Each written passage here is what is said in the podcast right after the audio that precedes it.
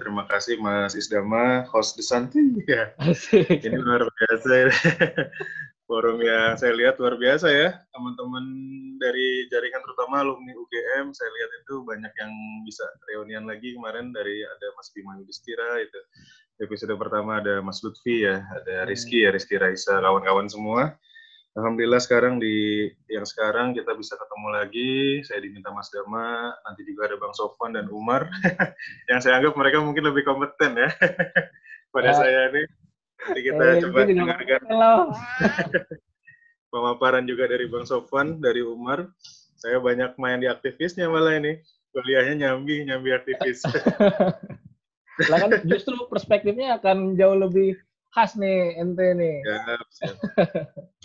Jadi mungkin uh, eh, 15 menit kali ya, mumpung nanti Umar masuk, Bang Sofan masuk, saya coba bantu menjelaskan awal aja. Mungkin nanti uh, saya juga akan ini Bang, apa namanya kan kita konsepnya talk show gitu ya. Nanti saya akan siap. ya bisa nanya-nanya juga lah ke Bang Wibi. Siap. Boleh, boleh. Jadi memang kalau saya ngeliat sederhana gini, ini corona ini kan sebuah wabah yang istilahnya itu betul-betul membuat dunia ini berhenti bergerak ya. Jadi kalau saya selalu bilang ini dari kacamata apa ya bahasanya, bacaan aja lah, sederhana aja. Globalisasi ini kan membuat dunia itu seperti connecting. Jadi artinya itu semua ini sekarang pergerakan manusia itu nggak bisa dibatasi, terutama mungkin teknologi transportasi, pesawat, pelabuhan, uh, mungkin juga mobil, kalau misalkan dulu kita pernah mendengar ada yang bilang ada virus Spanyol, ada mungkin kasus smallpox ya. Kalau teman-teman pernah baca di bukunya Yuval Noah Harari di tahun 1500-1600an ada kasus tuh penyakit cacar atau apa smallpox yang ketika itu wabah itu juga membuat seluruh dunia itu terkena dampaknya. Padahal ketika itu kalau kita melihat secara global, dunia itu kan belum terkoneksi ya kawan-kawannya dunia itu masih terkoneksi secara terbatas melalui kapal laut. Uh, belum ada pesawat terbang, interaksi manusia belum seintens sekarang. Tapi ternyata wabahnya itu meluas juga dengan cukup kuat karena ada faktor namanya kolonialisme. Hmm. Jadi ada penyakit di tahun abad 15-16 yang namanya smallpox, semacam sejenis virus cacar seperti itu. Tapi ketika itu pun uh, dunia pun juga terkena dampak Nah, di situ penulis Yuval Noah Harari mengatakan dalam bukunya Sapiens, mungkin kawan-kawan juga udah sering baca, bagaimana ke depan itu dengan dunia semakin interconnected, arus manusia yang tidak bisa dibatasi, akan menjadi sebuah dunia yang epidemik, pandemik, sebuah dunia yang wabah. Dan itulah yang terjadi dalam konteks corona. Jadi ketika corona ini terjadi, saya membayangkan itu terjadi kekacauan di seluruh dunia. Bagaimana manusia itu interaksinya tidak bisa dibatasi kan? Jutaan orang bertemu berinteraksi di pelabuhan di pesawat lalu arus barang industri uh, impor ekspor impor dan segala macam. Dan ini menjadi sebuah hal yang mungkin kalau dalam beberapa hal seperti kayak ucapan Bill Gates ini mungkin nanti menarik ya Bill Gates ya. Ada yang mengatakan jangan-jangan ini konspirasinya dari beliau. Tapi walau alam kita tidak bisa menuduh demikian. Cuman pernyataan menarik bahwa ancaman terbesar bagi dunia manusia kata Bill Gates itu selain nuklir bisa jadi adalah wabah atau virus pandemi dan ini ternyata diucapkan di 2015 dan sekarang di 2019 2020 uh, menjadi suatu kenyataan yang kita lihat nih terkait dengan corona. Lalu gimana sih Mas terkait dengan geopolitik gitu? Kalau geopolitik kan sederhananya yang saya pahami ya terkait geopolitik gitu. Ada nggak dampaknya? Geopolitik ini kan kalau mungkin teman-teman HI, teman-teman ilmu politik, Mas Ari, Mas Restu, nanti Bang Sofan, uh, Mas Umar. Jadi sebenarnya untuk memenangkan kepemimpinan global, dominasi kepemimpinan global. Misalkan kita selalu melihat uh, kalau misalkan baca sejarah gitu ya, kalau dulu kan geopolitik namanya perang dingin tuh kekuatan global didominasi oleh dua superpower, yaitu yang namanya uh, Uni Soviet dengan Amerika Serikat pasca Perang Dunia Kedua. Ada namanya Perang Dingin, pertempuran bagaimana antara kapitalisme, liberalisme, demokrasi bertarung dengan uh, komunisme, hmm. sosialis komunisme untuk memper, uh, mem, apa, mendapatkan kepemimpinan global. Nah, itu namanya geopolitik tuh, bagaimana hmm. power suatu negara itu untuk merebut kepemimpinan global. Dan akhirnya pada tahun 8990 kita melihat jatuhnya Uni Soviet. Bagaimana akhirnya Uni Soviet dengan kekuatan ketika itu terpusat, ekonomi terpusat runtuh. Dia tidak mampu tuh menahan arus yang disebut sebagai kapitalisme, sebagai neoliberalisme. Dia nggak kuat bagaimana negara-negara meminta uh, apa istilahnya kemerdekaan dari Uni Soviet. Lalu ketika itu muncullah sebuah tesis yang disebut oleh Francis Fukuyama, lalu kita juga melihat Samuel Huntington uh, The Class of Civilization, lalu apa uh, The Last Man of History. Uh, para analis barat terutama dari ilmuwan-ilmuwan Amerika Serikat tentu saja mereka menulis itu dengan kepentingan nasional mereka ya. Mereka mengatakan bahwa pasca Soviet runtuh, pasti akan ada regional power lain, kekuatan-kekuatan lain yang di bawah Soviet, lawannya Amerika, yang akan mencoba untuk menantang Amerika. Di situlah nanti ada banyak tesis ya terkait dengan peradaban yang hmm. Salah satu yang saya cermati ada dua tuh disebut. Yang disebut adalah Islamic Civilization, peradaban Islam. Yang satu lagi Confucianism, civilization atau Sino civilization atau peradaban Cina atau peradaban Tiongkok Konfusianis.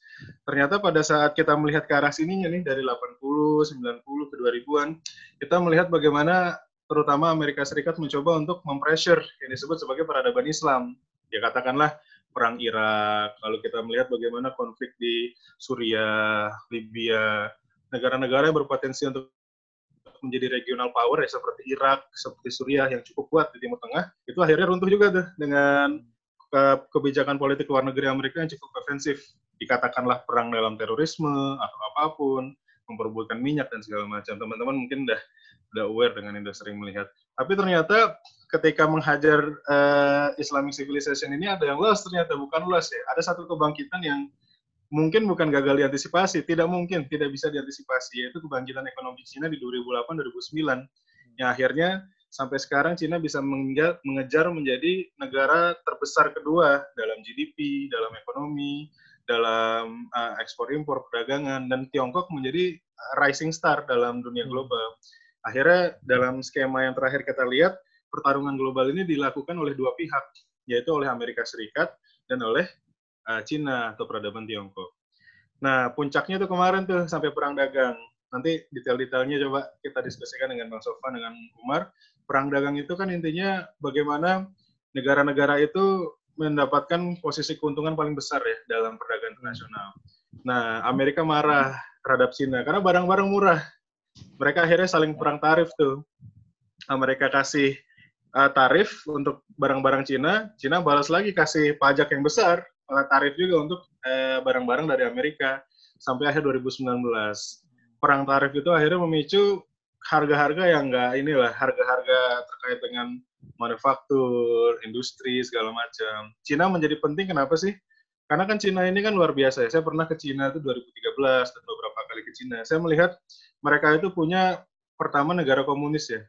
Pandangannya itu satu negara itu luar biasa, solid negara itu memiliki bukan momok ya, kebanggaan yang besar di antara warga negara dan mereka mengikuti arahan dari pemimpin. Kalau pemimpin bilang sekarang kita fokus pada industri nasional dan semuanya ditekankan untuk mengajar home industry, itu dikejar itu sama mereka. Ada pride yang besar. Bahkan saya dengar di Cina itu harga ketika dulu ya sebelum sekarang menjadi negara maju seperti sekarang, mereka lebih mengejar ekonomi yang kuat. Ada home industry, hmm. jadi jarum, mungkin kancing, mungkin mungkin apalagi ya lighting barang-barang kecil semua diproduksi dalam home industry dan dikelola terpusat oleh pemerintah. Hmm. dan itu mereka bisa menekan harga-harga barang. Akhirnya dengan harga barang yang murah dengan kualitas yang masif yang massal mereka menguasai ekspor ke seluruh negara. Ya seperti kita tahu uh, anonim dari made in China. Jangan-jangan semua yang kita pakai ini made in China semua nih laptopnya kancing baju kita resleting apa komponen dari HP, koper, segala macam. Itu karena mereka bisa menyediakan produksi barang yang murah. Nah, sebenarnya Amerika dan Cina kemarin Donald Trump, Xi Jinping itu udah mulai bernamai. Karena kalau mereka terus konflik nih, bahaya nih. Harga-harga nggak stabil. Mas Ari udah pusing ya? Banyak pinjaman-pinjaman nggak balik kata dia nih karena corona nih. Aduh, orang bang nih.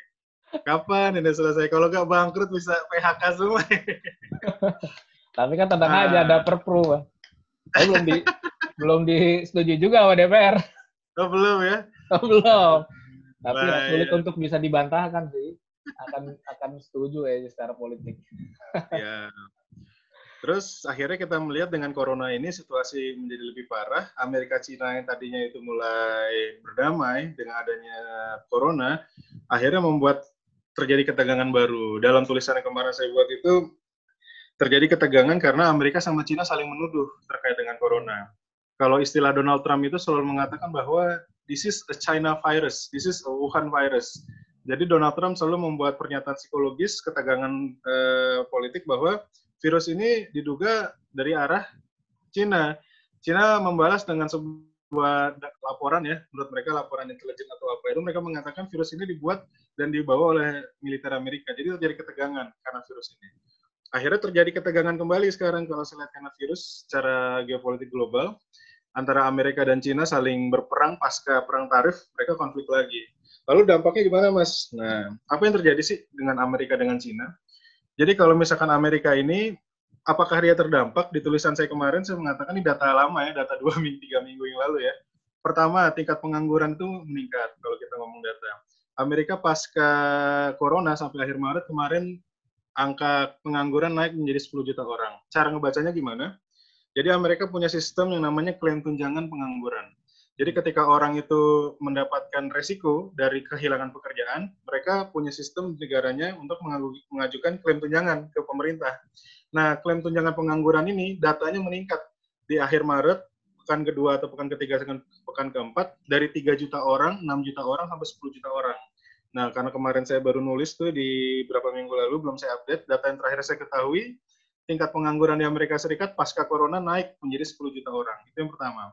Lalu yang kedua, kita melihat eh, ekspor impor semua dagang habis, dan akhirnya juga yang menjadi masalah di Amerika Serikat sekarang ini, Amerika itu menurut data yang terakhir menjadi negara yang salah satu paling tinggi korban coronanya. Jadi kalau coba saya cek dulu ya di data ya. Iya, dia nomor satu sekarang korbannya. Nomor satu dia di dunia ya. nih. Kalau data dari World oke okay, baik. Jadi total kasus di Amerika itu sekarang 1,1 juta di seluruh dunia. Lalu dia total kematiannya sampai 67.440 dan dia menjadi negara nomor satu terdampak terparah di seluruh dunia. Padahal kalau kita melihat sistem kesehatan Amerika kan paling baik ya. Iyalah kita semua pengen ke Amerika hmm. mestinya minimal jalan-jalan lah. Tapi ternyata ya. negara yang kita anggap ini pun terkena dampak. Lalu kita melihat Cina, Cina sebenarnya pada saat Januari Februari itu kasusnya luar biasa ya, dia angkanya sekarang hmm. sampai 82 ribu. Tapi ternyata kalau kita lihat sama Amerika bandingannya ada satu juta kasus. Hmm. Yang kedua, Cina sekarang total kematian 4.600. Nah, cuman kalau bicara Cina, memang ada hal yang harus kita klarifikasi ya terkait dengan centrality dari informasi ini. Apakah ini datanya real atau memang data kasusnya lebih besar karena negara komunis. Betul, jadi betul, mungkin kita nggak tahu nih bisa jadi datanya bisa jadi lebih besar. Tapi kalau kita lihat, memang penanganan mereka terpusat. Jadi kemarin Mas Raras cerita ya dari pengalaman di Cina di ada acara Zoom diskusi yang lain jadi memang luar biasa kontrol negara. Mereka benar-benar menggunakan namanya digitalization ya. Jadi data-data kesehatan itu dikumpulkan melalui handphone. Nanti setiap person itu terkoneksi melalui chip, melalui barcode yang ada di aplikasi negara mereka. Lalu mereka harus melaporkan tuh data kesehatan. Kalau mereka sehat, ada tanda merah, biru, dan merah, oranye, dan kuning. Hmm. Kalau tandanya Biasa, hijau ya. atau biru, mereka boleh keluar. Tapi kalau kuning atau merah, nanti akan ada semacam nggak boleh masuk ke apa rumah sakit atau bukan rumah sakit ke fasilitas umum nggak boleh keluar nggak boleh keluar hmm. asrama ditahan security. Nah bahkan Cina terakhir juga udah menggunakan ini ya uang security uang digital. Yang bagaimana nanti mereka transaksi udah nggak pakai uh, uang lagi. Kertas. pakai uang kertas lagi. Jadi memang ternyata kalau kita lihat negara Cina ini banyak juga yang sudah banyak ekspor berubah dan ini menjadi hal yang perlu kita cermati juga. Terakhir bagaimana Mas ini dengan dampak dari apa istilahnya dari corona ini?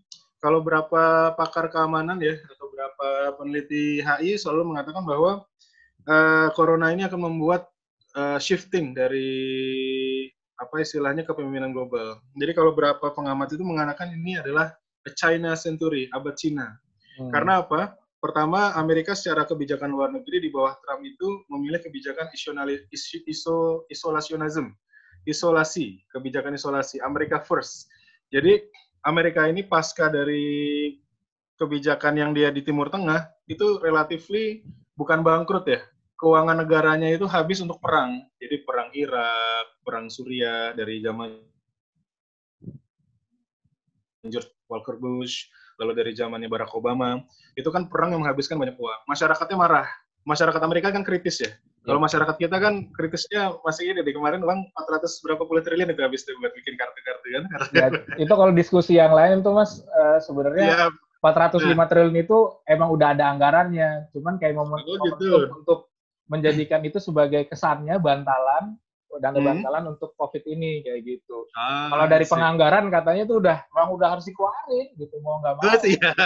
Cuma tuh kayak kesannya kayak kayak apa namanya pahlawan kesiangan yang muncul eh gue nih muncul buat nyelamatin lo loh kayak gitu. Terus yang lain kayak yeah. gitu. Jadi kalau secara struktur keuangan anggaran negara huh? sebenarnya udah ada. Udah ada. Jadi, uh, uh, jadi itu nggak nggak di suatu hal yang uh, cepat keputusan yang cepat uh, dilakukan sebagai penanggulangan COVID-19. Tapi itu udah yeah. emang harus dikeluarin kayak gitu. jadi oh, lucu juga dia. Mas Restu nanti nih dari PPATK nanti bisa oh. bantu jelaskan dikit nih Mas oh, Restu. Iya, bisa nanti kasih tambahan Siap, dikit Mas. Katanya gitu kalau kata ya. analis ekonom yang lain ya. Wede. Dampak sederhananya akhirnya dari kebijakan Amerika First ini adalah Amerika hilang dari panggung global. Amerika mulai pelan-pelan menarik diri dari panggung internasional. Mereka sekarang sedang recovery dalam negeri, apalagi corona, dampak ekonominya besar, angka pengangguran meningkat, ekonominya terkena, dan akhirnya apa? Kehilangan nih dunia ini kehilangan polisi internasional, kehilangan pemimpin global, yang akhirnya membuat negara-negara ini sedang mencari patron baru. Kurang lebih seperti itu. Negara yang tadinya berharap Amerika akan muncul sebagai apa big brother, siap ngasih bantuan, siap ngasih bantuan ekonomi. Kalau dulu di pasca perang dunia kedua kita tahu Marshall Plan, rencana Marshall. Ya negara-negara pasca perang yang hancur itu Amerika datang dengan gagah dengan baik hati memberikan hutang bantuan ekonomi. Nah, negara-negara ini sekarang berharap negara-negara besar seperti Amerika dan Cina memainkan peran itu. Tapi di bawah Presiden Donald Trump, dengan kebijakan nasionalisme, isolasionisme, proteksionisme, Amerika first, akhirnya mereka menarik diri tuh dari peran-peran global, agak menarik diri. Nah, kevakuman dari kosongnya kepemimpinan global ini melihat, membuat Cina melihat adanya peluang untuk masuk. Hmm. Jadi Cina masuk dengan kalau kita lihat teman-teman pasti tahu namanya Belt Road Initiative BRI BRI. Oh iya. Inisiatif Jalan Sabuk. Kalau dulu bahasanya itu bagaimana Cina bisa membangkitkan kejayaan ekonomi, membangkitkan apa? Melihat dulu pernah ada namanya jalur sutra dari Cina sampai ke uh, Eropa melalui Asia Tengah, melalui Iran, melalui Irak, melalui Turki, sampai akhirnya ke Eropa seperti itu. Namanya inisiatif Jalan Sabuk. Nah, konsep ini juga pernah saya baca sedikit, pernah saya tulis. Jadi Cina itu ingin membangun pelabuhan-pelabuhan, uh, bandara-bandara, lalu mungkin juga berbagai ini untuk mempermudah akses transportasi dari distribusi barang. Jadi kalau yang kita lihat dari BRI itu Cina membangun pelabuhan-pelabuhan di beberapa negara tuh banyak, ya, termasuk di Indonesia, juga. terus agak di apa di Madagaskar, di Sri Lanka, di Pakistan. Jadi nanti pelabuhan-pelabuhan yang akan dibuat oleh Cina itu akhirnya nanti bagaimana caranya Cina ketika masuk ke sana itu tidak kena tarif, tidak tidak pajak, bahkan pengelolaannya nanti diserahkan pada BUMN Cina. Sehingga ya. akhirnya Cina bisa mengatur arus lalu lalang barang ekspor impor ke seluruh dunia tanpa terkena tarif. Nah itulah sebenarnya inti dari BRI, inisiatif Jalan Sabuk, sehingga akhirnya nanti Cina bisa menekan harga tuh. Nah, para pengamat bilang Cina akan menggunakan inisiatif BRI ini untuk mendulang kesukseskan pasca pandemi, pasca COVID. Hmm. Sekarang kan kita lihat kan diplomasi pasca COVID ini kan diplomasi masker ya. Diplomasi ya. bagaimana mereka menggunakan anggarannya untuk mengirim bantuan kesehatan, masker, ADP, lalu mungkin APD. APD ya. Alat perlindungan diri salah ya, APD, disinfektan, lalu juga nanti mereka mengirimkan apa tuh? Uh, banyak hal terkait dengan Nah, setelah itu alat tes, PCR dan segala macam dilogistikkan, dikirimkan ke negara-negara yang butuh, dan itu menjadi diplomasi yang lagi dibutuhkan sekarang. Banyak negara mengatakan Cina mampu, karena sekarang katanya Cina udah recovery, industrinya sudah mulai bergerak lagi, dan mereka menggunakan industri dalam negerinya itu untuk fokus tuh, menggenjot buat alat-alat tadi itu, disinfektan, APD, segala macam, dan itu dikirim ke luar negeri sebagai bantuan. Nah, Cina akan menggunakan BRI-nya itu kalau dalam beberapa artikel disebutkan medical BRI. Kalau misalkan Cina menggunakan ini di masa pandemi, lalu nanti sudah masanya sudah normal lagi, ini sudah established, mereka nanti akan mendominasi ya, eh, distribusi-distribusi bantuan ke negara-negara, ini akan menjadi seperti yang dilakukan Amerika pada Perang Dunia Kedua. Amerika menggunakan itu pada Perang Dunia Kedua dengan Marshall Plan, China menggunakan BRI pada pasca pandemi. Jadi beberapa pengamat mengatakan kalau misalkan Amerika tidak merespon, tidak melawan balik, Amerika tidak mengambil lagi kepemimpinan globalnya itu, dia tetap mundur dengan Amerika first-nya, dengan gaya Donald Trump, ini dipastikan nanti China akan mengambil alih proses perlahan demi perlahan. Negara-negara yang butuh bantuan, Amerika nggak ngasih, ya kita harus cari minta yang lain. Akhirnya mintanya ke China. Regional yang terdampak betul oleh pengaruh Cina, kalau misalkan di beberapa tulisan itu yang paling kena ya Asia Timur dan Asia Tenggara. Hmm. Ya kita lihat sendiri bagaimana pengaruh Cina di Indonesia, Vietnam, mungkin juga di Thailand, di Malaysia. Bagaimana akhirnya sekarang yang menjadi negara yang diharapkan untuk memberikan bantuan, infrastruktur, ekonomi, bukan Amerika lagi, tapi semua mengarah ke Tiongkok. Jadi kalau misalkan tidak ada feedback dari Amerika, kemungkinan besar ya kita akan memasuki namanya ke Chinese Century. Cina hmm. akan menjadi sentral dari budaya, menjadi sentral dari ekonomi, menjadi sentral dari politik, dan itu disuka atau tidak suka ya akan terjadi. Kecuali mungkin rejim Majapahit bangkit ini dari Waduh. Indonesia ini. kan dulu Majapahit kita Hah? pernah ini kan, pernah mengusir Cina Mongolia kan waktu yeah. dinasti Yuan masuk kan. Yeah. Ini kita harus punya seperti itu kayaknya. Paling enggak Indonesia lah, independen lah. Mungkin yeah. itu iya. kali sedikit. Tapi itu menarik sih Mas. Kalau misalkan kalau secara rezim ekonomi uh, Cina itu kan memang udah kelihatan ya.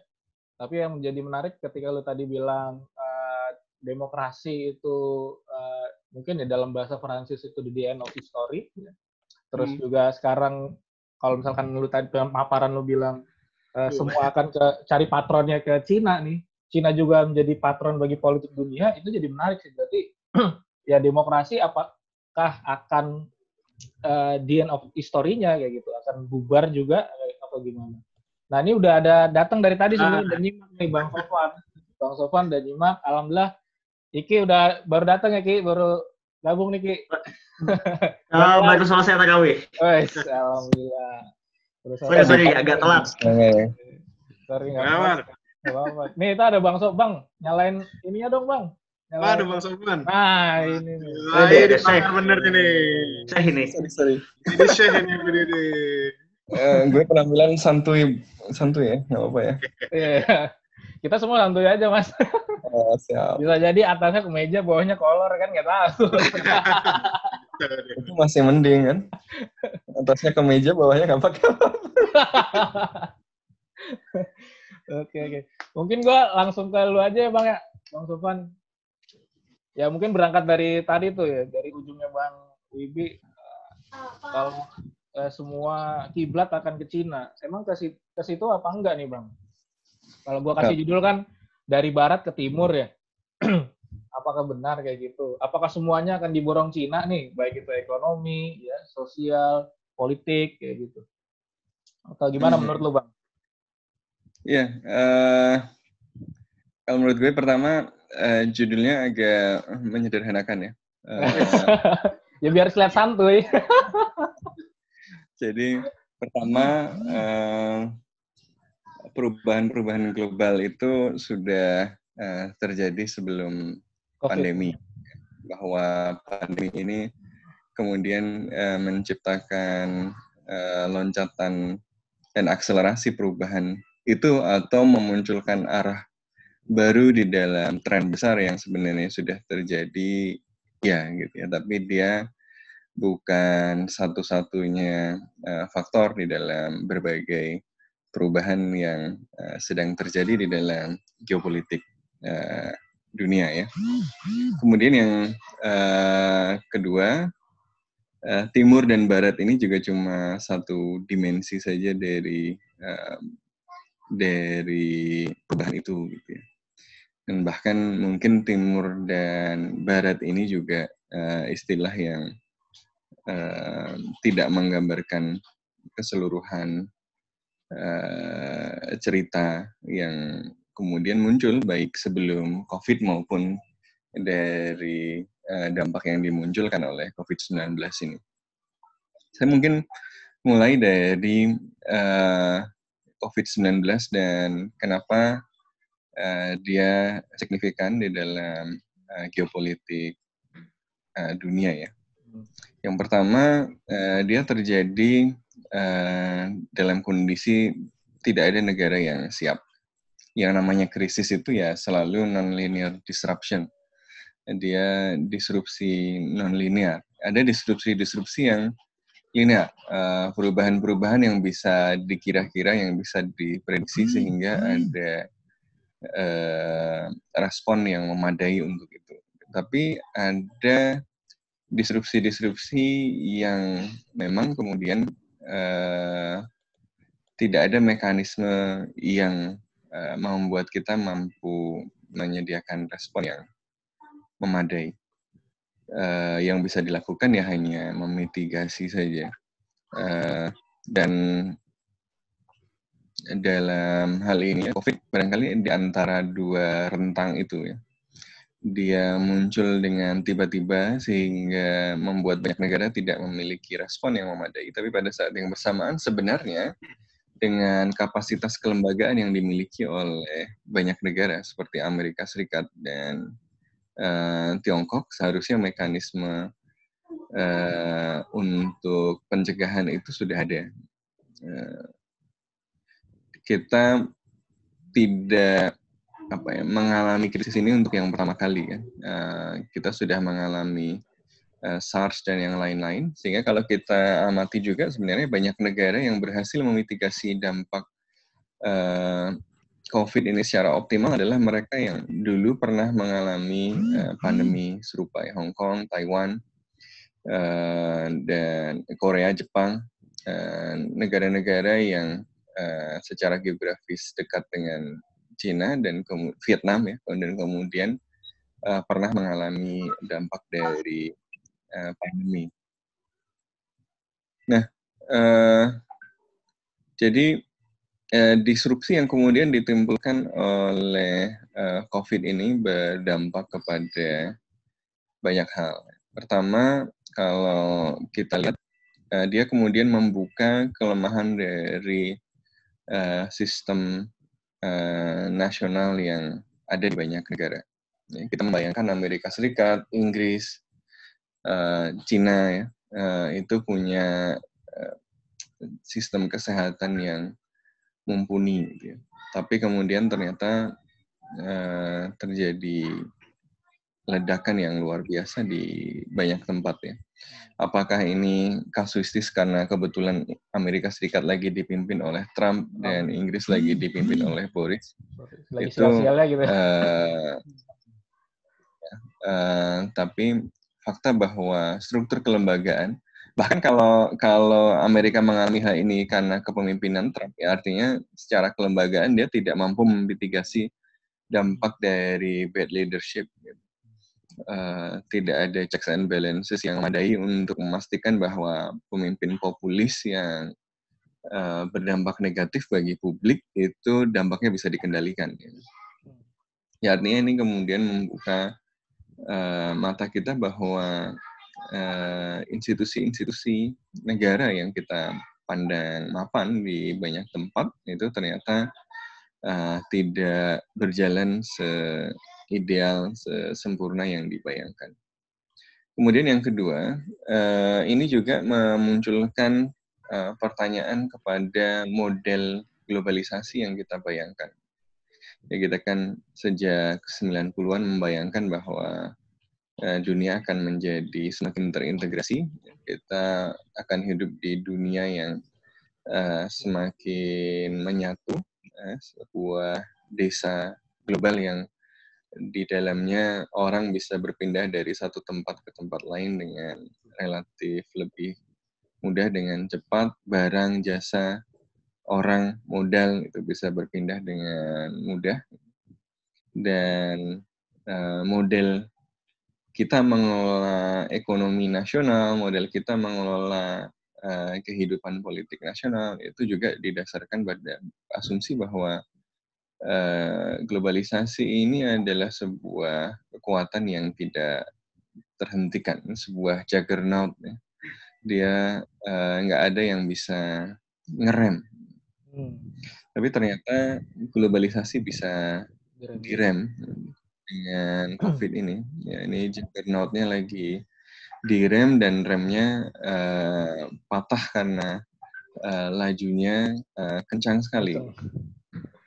Nah ini yang kemudian uh, memunculkan banyak pertanyaan, banyak spekulasi. Tentu apa apa yang akan terjadi setelah ini uh, masih banyak kemungkinan ya. Ada yang mengatakan bahwa oke okay, uh, COVID-19 dan kemudian uh, ke, apa ya berbagai tantangan kebijakan yang mengikutinya. Misalnya soal globalisasi mengandaikan bahwa uh, ekonomi itu sebuah positif sum game. Kalau kemudian uh, barang, uh, jasa, capital orang itu berpindah dengan bebas di dalam sebuah ekonomi yang semakin menyatu, maka uh, barang dan jasa akan kita peroleh dengan lebih efisien dan dengan harga yang lebih murah. Tapi begitu ada krisis kemarin, kita menyaksikan bahwa untuk mendapatkan APD, untuk mendapatkan uh, macam-macam saja, uh, banyak negara kemudian uh, berebut satu sama lain. Atau kemudian kemarin Pak Jokowi yang kemudian mengumumkan akan membangun sawah-sawah gitu ya. Setelah beberapa tahun sebelumnya rutin mengubah sawah-sawah uh, menjadi uh, gitu ya. Karena asumsi bahwa uh, ya ekonomi uh, global ini akan membuat kita harus semakin punya spesialisasi, kita menempatkan diri saja di dalam global value chain, nggak usah memproduksi ya. uh, apa hal-hal yang uh, apa ya misalnya pangan dan macam-macam yang perlu untuk kita nikmati karena kita bisa ambil itu dari Vietnam dan macam-macam gitu ya. Uh, tapi dalam kondisi seperti ini, kemudian orang mulai bertanya lagi tentang model uh, globalisasi yang hari ini ada. Gitu. Benar nggak uh, model globalisasi yang mengandaikan aliran barang jasa orang model secara uh, lurus, secara halus, secara lancar itu sustainable itu uh, bisa terjadi dan krisis ini menunjukkan bahwa uh, begitu uh, begitu uh, keadaan tidak normal gitu ya. Uh, kemudian kita mengalami uh, kesulitan yang luar biasa bahkan untuk menjalankan hal-hal uh, yang sangat dasar seperti penyediaan pangan misalnya. Nah ini kemudian akan banyak yang kemudian berspekulasi bahwa ini akan membuat negara-negara uh, sedikit menarik diri dari uh, model globalisasi yang sekarang ya, muncul lagi gagasan-gagasan tentang uh, komoditas-komoditas strategis. Ya, kalau dulu semua komoditas dilihat sebagai sesuatu yang sama ya kalau bisa uh, impor uh, dan harganya lebih murah menjamin ketersediaan pangan, keamanan pangan, ngapain uh, kita harus um, memproduksi sendiri yang tidak efisien yang bikin mahal uh, uh, sehingga Eh, kita kehilangan kesempatan untuk memproduksi yang lain yang nilai tambahnya lebih tinggi gitu misalnya. Uh, ini kemudian memunculkan uh, kembali gagasan-gagasan seperti komoditas strategis, industri strategis, gitu, yang yang kemudian akan berdampak kepada uh, beberapa langkah mundur dari model globalisasi yang ada sekarang. Bahkan Amerika Serikat Cina ini kan juga sebenarnya uh, bukan tren yang semata muncul karena pandemi ya. Uh, kemunduran dari model globalisasi yang positif sum ini uh, sudah kita rasakan beberapa tahun belakangan gitu kan ya America First uh, kemudian perang 5G dan macam-macam itu menunjukkan bahwa ekonomi yang di dalam globalisasi itu adalah uh, motor utamanya gitu ya uh, bahwa politik dan ekonomi itu bisa dipisah dan ekonomi itu bisa berjalan kalau dia tidak dicampuri oleh kebijakan-kebijakan yang bersifat uh, politik maka biarkan uh, dia bekerja dengan bebas uh, dengan mekanisme pasar yang kemudian nanti akan menghadirkan spesialisasi hmm. pembagian kerja internasional ya berdasarkan uh, efisiensi ternyata tidak uh, pernah benar-benar bekerja gitu ya. Karena kemudian kita melihat bahwa politik uh, bahwa ekonomi itu tidak pernah benar-benar uh, berada di luar uh, struktur lembagaan politik. Nah, nah kemudian orang-orang uh, mulai berpikir bahwa negara-negara mulai berpikir uh, untuk kemudian mem, apa, membangun kebijakan yang yang desainnya tidak lagi berdasarkan model uh, globalisasi yang kita bayangkan tahun 90-an ketika Fukuyama menuliskan The End of History itu. Ya, uh, kemudian negara-negara akan akan sedikit menaruh kakinya ke belakang. Walaupun uh, kita Oh, ada masnya. Oh, kira siapa? Dikira apa itu, Mar? Ente lagi di mana sih, Mar? lagi di rumah. Nah, kita, kita share soalnya. Oh, share. Uh, Apartemen ya? Iya, share dengan satu keluarga diplomat Indonesia di Canberra. Mantap, mantap. mantap. Seru banget. Jadi, lanjut, lanjut, lanjut, Mas. Sorry, sorry. Iya, uh, tapi bahwa infrastruktur yang kemudian menopang globalisasi ini masih ada, masih intact dan kita tidak membayangkan full retreat from globalization, uh, saya kira juga iya. Jadi bahwa negara-negara itu uh, rethinking, mereka akan uh, maju terus ya, melaju terus di dalam model globalisasi yang ada hari ini. Tapi pada saat yang bersamaan, uh, saya kira juga tidak akan ada full retreat dari existing globalization. Ada uh, infrastruktur globalisasi yang tidak kita bisa rollback ya. ya, seperti yang sedang kita lakukan ini juga kan alat komunikasi dan macam-macam ya segala macam uh, apa hubungan ekonomi dan macam-macam. Walaupun kemudian akan ada penyesuaian ya. supply uh, banyak barang yang tadinya sangat bergantung kepada Cina ya, di supply chain-nya orang mulai berpikir untuk menggantikannya, substitusinya bagaimana? Gimana caranya supaya uh, kemudian uh, lebih diverse lagi misalnya uh, supply chain-nya, value, value chain-nya, uh, tidak kemudian harus uh, misalnya menyuplai banyak uh, bagian yang penting itu di Cina. Dan katanya uh, Adam dan Hawa diciptakan oleh Tuhan, tapi everything else made in China. Gitu. Uh, nah ini orang mulai mulai berpikir untuk me, mengubah uh, hitung-hitungan itu, mengubah model itu. Jadi kita akan melihat uh, globalisasi masih akan intact, tapi dengan wajah yang sedikit berbeda. Mungkin akan lebih diverse. Orang akan mencari banyak alternatif, uh, mendiversifikasi dari uh, hubungan ekonomi dari uh, satu atau dua uh, negara uh, besar gitu. Ya. Kemudian saya kira yang penting juga untuk dilihat dari COVID ini adalah uh, ini menunjukkan kelemahan di dalam sistem internasional. Sistem internasional itu kan seharusnya berfungsi uh, untuk menyediakan uh, common goods ya, uh, public goods internasional itu di dalam uh, kondisi seperti ini ya salah satunya adalah uh, bagaimana uh, sebuah masalah yang tidak bisa ditangani secara individu oleh masing-masing negara itu bisa dikelola dengan lebih baik uh, melalui organisasi internasional atau setidaknya oleh negara-negara yang uh, paling kuat di dalam sistem internasional itu.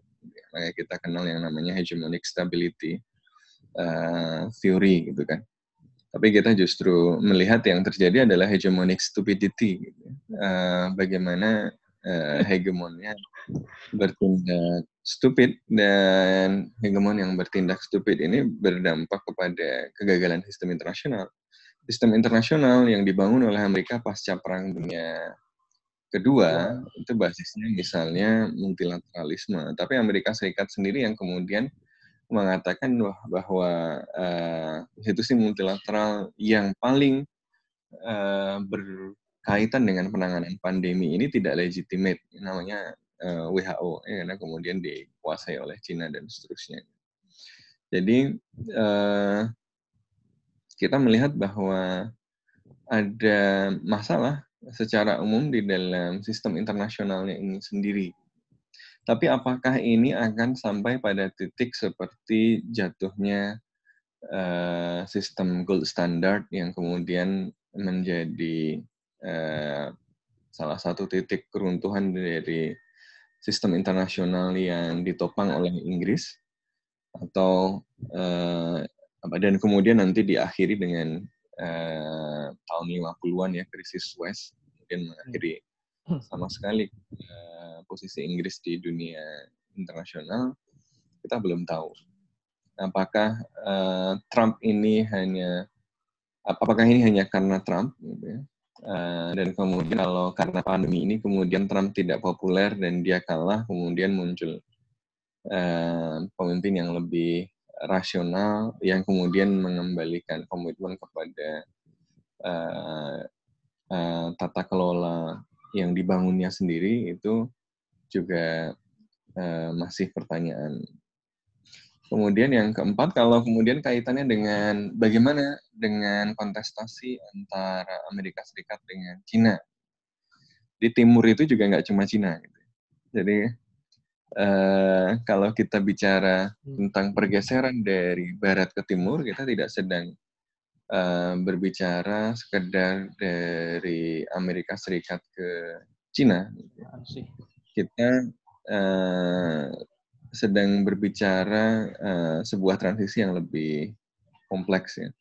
Ya seperti dalam uh, kasus ini, Cina memang kemudian menjadi aktor yang penting dalam sistem internasional dan seperti tadi sudah dibahas oleh Mas Wibi, Cina secara agresif memanfaatkan uh, momentum ini untuk memperkuat posisinya di dalam sistem internasional dengan diplomasi masker, kemudian menggeser narasi uh, soal COVID ini menjadi uh, apa ketidakmampuan Amerika Serikat. Yang ditekankan kepada uh, kepada masyarakat internasional adalah kemampuan kelembagaan Cina menangani krisis yang tidak ada siapa pun menduga ini gitu ya. Tapi dia tidak menyebutkan bahwa krisis ini meledak karena uh, ya kegagapan Cina merespon ini ketika masih di tahap awal. Jadi dia berfokus bagaimana Cina berhasil menanggulangi ini, bagaimana model politik dan ekonomi Cina yang komunis, yang uh, tidak seperti Amerika Serikat itu ternyata berhasil menyelesaikan masalah COVID ini dengan lebih efektif.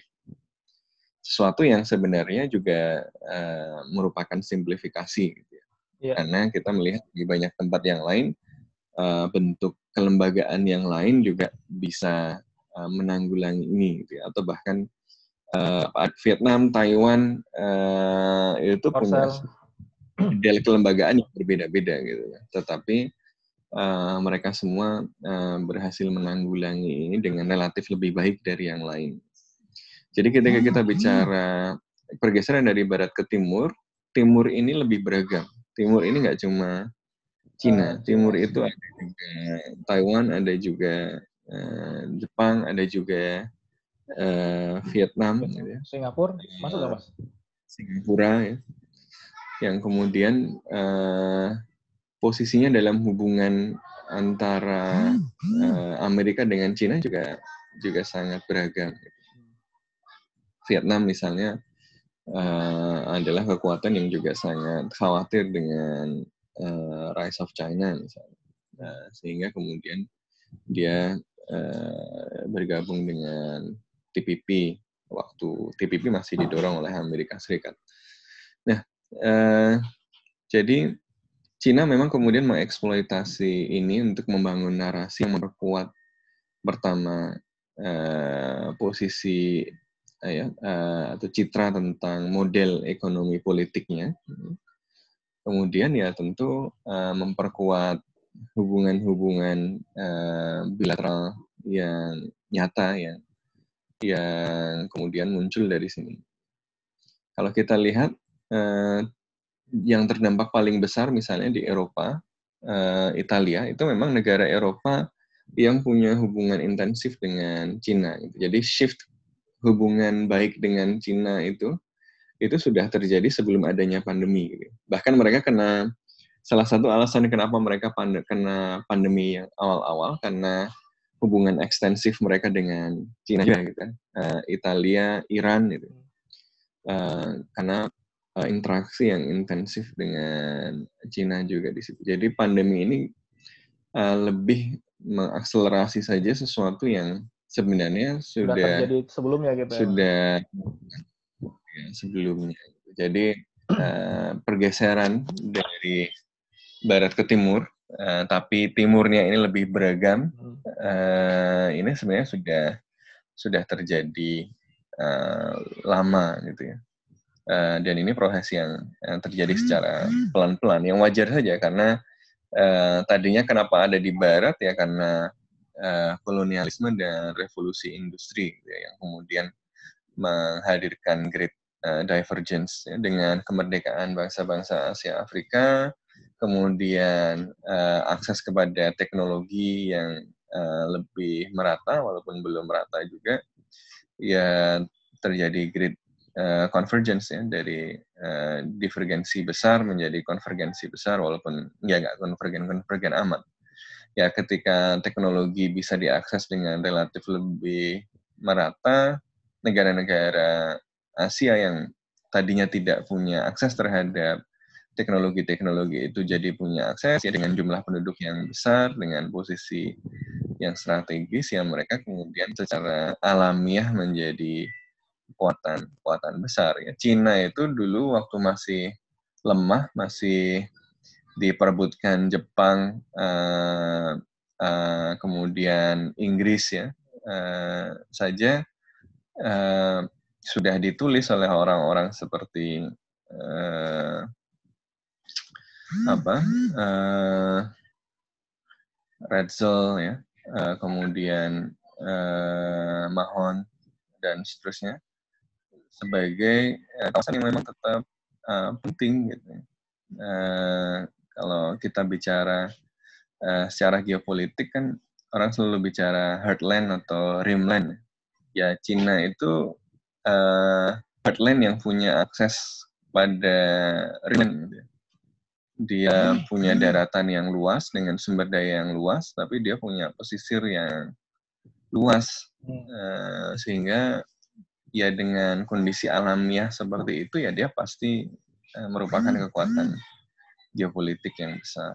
Ya jadi ya great convergence ini ya secara alamiah kemudian mengembalikan Cina, India, eh, dan banyak negara-negara Asia lain sebagai eh, kekuatan yang semakin signifikan di dalam hubungan internasional.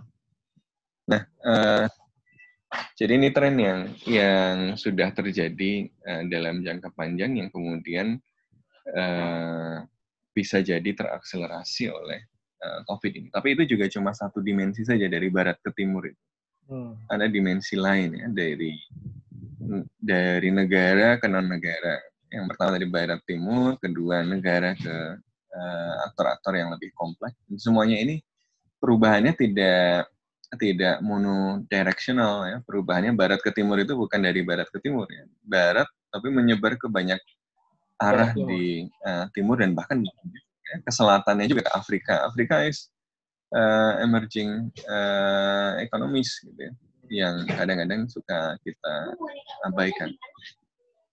Kemudian uh, dari tadi dari negara ke uh, governance model-model governance yang uh, lebih beragam. Ada yang menarik ke bawah ke, ke aktor-aktor subnasional, ya, pemerintah daerah. Kemudian, makanya kemudian kita melihat dalam penanganan pandemi ini kan kita melihat ada tarik-menarik yang sangat kuat juga antara aktor nasional dengan uh, aktor yang ada di daerah kan, uh, di mana-mana. Ya. Trump ribut sama Kumu, ya. Hmm. Uh, Jokowi ribut sama Anies dan bahkan sama sama wali kota Solo yang dulu wakilnya Jokowi ya. sendiri gitu. Jadi nggak boleh nggak boleh pulang kampung. nah, nggak boleh mudik. Nggak boleh mudik, oh iya boleh mudik. Kampung boleh. Pulang kampung boleh tapi mas. Uh, ya nanti dikunci katanya. Sama ya, tapi jadi nah. jadi ya masih ada lagi mas? Ya ada lagi tapi kapan-kapan aja. Ya nggak apa-apa nggak apa. Kalau masih ada keluarin aja keluarin keluarin. Enggak sih. Uh, jadi intinya gini, intinya perubahan itu uh, apa sesuatu yang uh, terjadi uh, lebih lama. Dia sesuatu yang sudah um, menggambarkan perubahan fundamental di dalam struktur internasional yang sudah sudah ada uh, sejak beberapa dekade terakhir ini. Dan uh, pandemi COVID ini mengakselerasi beberapa bagian dari perubahan-perubahan itu, tapi juga menarik mundur beberapa tren-tren uh, itu. Nah, soal setelah ini kita jadi seperti apa, uh, tentu kita belum bisa menjawab. Ada banyak kemungkinan. Ya, makanya orang masih berdebat bahwa misalnya setelah ini uh, Cina menjadi lebih kuat, atau Nai masih bilang setelah ini Amerika Serikat masih tetap preeminent, ya itu masih masih perdebatan. Tidak ada yang tahu masa depan, tapi sekarang pintunya lebih banyak yang dibuka. Jadi pintunya lebih banyak terbuka, lebih banyak kemungkinan. Asalnya kemungkinan apa yang akan menjadi kenyataan, uh, faktornya ada banyak. Gitu ya. Karena itulah negara-negara secara aktif mencoba membentuk faktor-faktor itu yang mengkondisikan itu ya. Karena Cina tahu misalnya ini bisa make it or break it ya.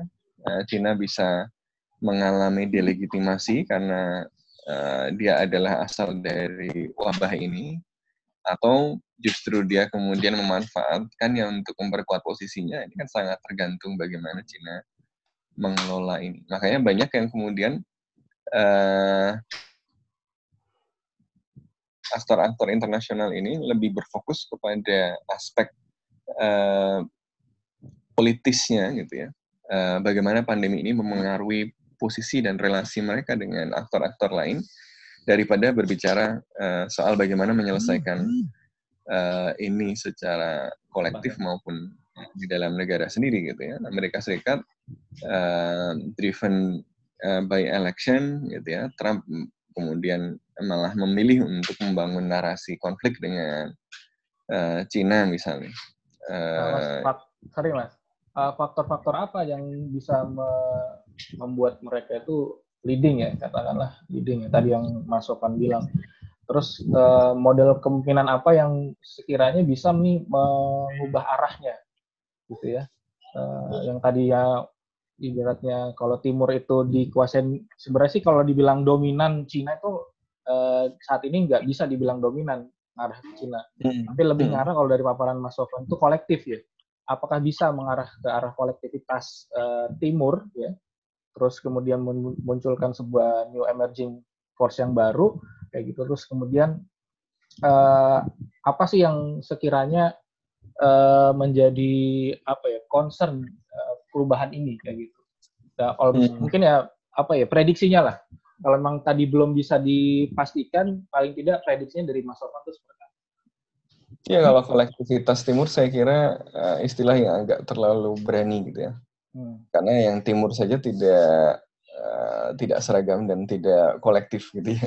Hmm. Uh, jadi apa? Ya ini ini justru plural, pluralisasi ya di dalam sistem gitu. uh, aktornya menjadi lebih beragam uh, baik bentuk aktornya maupun aktor aktor-aktor utamanya gitu ya. Jadi dunia menjadi lebih kompleks saja. Uh, jadi kita kalau apa ya kita bayangkan kalau dulu kita memahami hubungan internasional itu ya cukup dengan memahami hubungan antar negara. Gitu. Lalu kita mengidentifikasi negara-negara yang penting yang mana. Gitu ya. Uh, makanya ketika kemudian ada gerakan non-blok itu agak membingungkan gitu, karena uh, ini negara-negara yang tidak signifikan uh, posisinya di dalam distribusi kekuatan internasional kok sikapnya berbeda dari yang uh, diprediksikan dia nggak ikut negara-negara uh, yang besar malah misalnya mencoba membangun sendiri ini kan hmm. nggak uh, normal ya karena kita biasa melihat dari uh, kacamata sederhana tentang sistem internasional yang basisnya negara bangsa itu. Nah sekarang ya kalau ada satu hal yang hampir pasti dari pandemi ini adalah bahwa model-model lama untuk melihat dunia itu ya jelas tidak lagi memadai. Hmm. Kan cara kita memahami geopolitik mungkin juga uh, tidak lagi memadai. Gitu ya. Geopolitik itu kan kaitan antara geografi dengan politik. politik.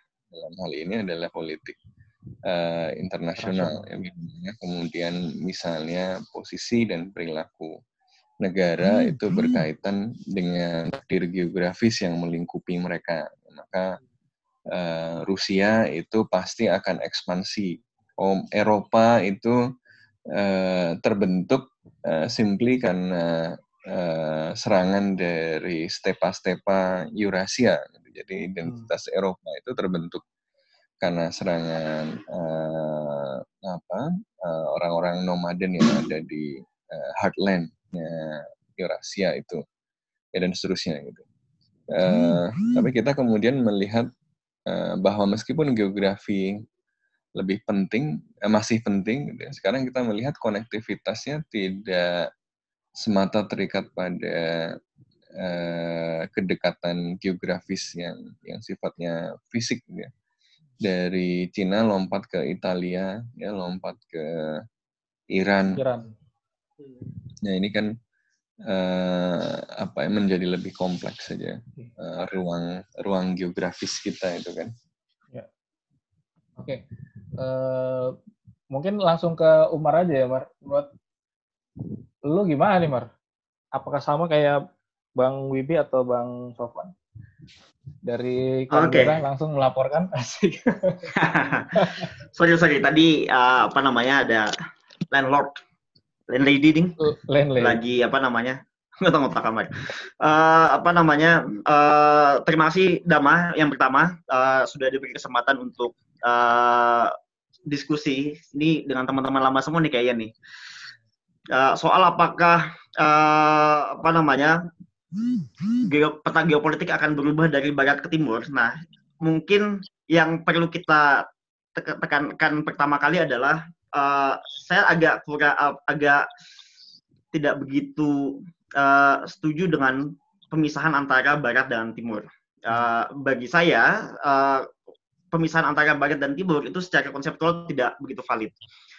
Uh, ini kebetulan salah satu riset saya di uh, riset PhD saya sekarang uh, istilah apa pembagian antara barat dan timur itu sebetulnya pembagian yang sudah sangat lama, pembagian sangat kuno yang dulu ketika zaman Yunani orang membedakan antara Yunani dengan Persia. Ketika zaman uh, Romawi uh, itu kemudian uh, orang orang Romawi itu membedakan uh, Romawi dengan uh, orang barbar yang uh, ada di uh, garis batas perbatasan uh, Romawi.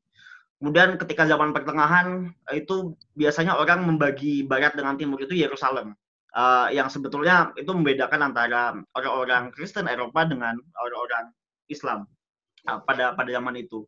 Lalu ketika uh, semakin ke sini semakin berubah.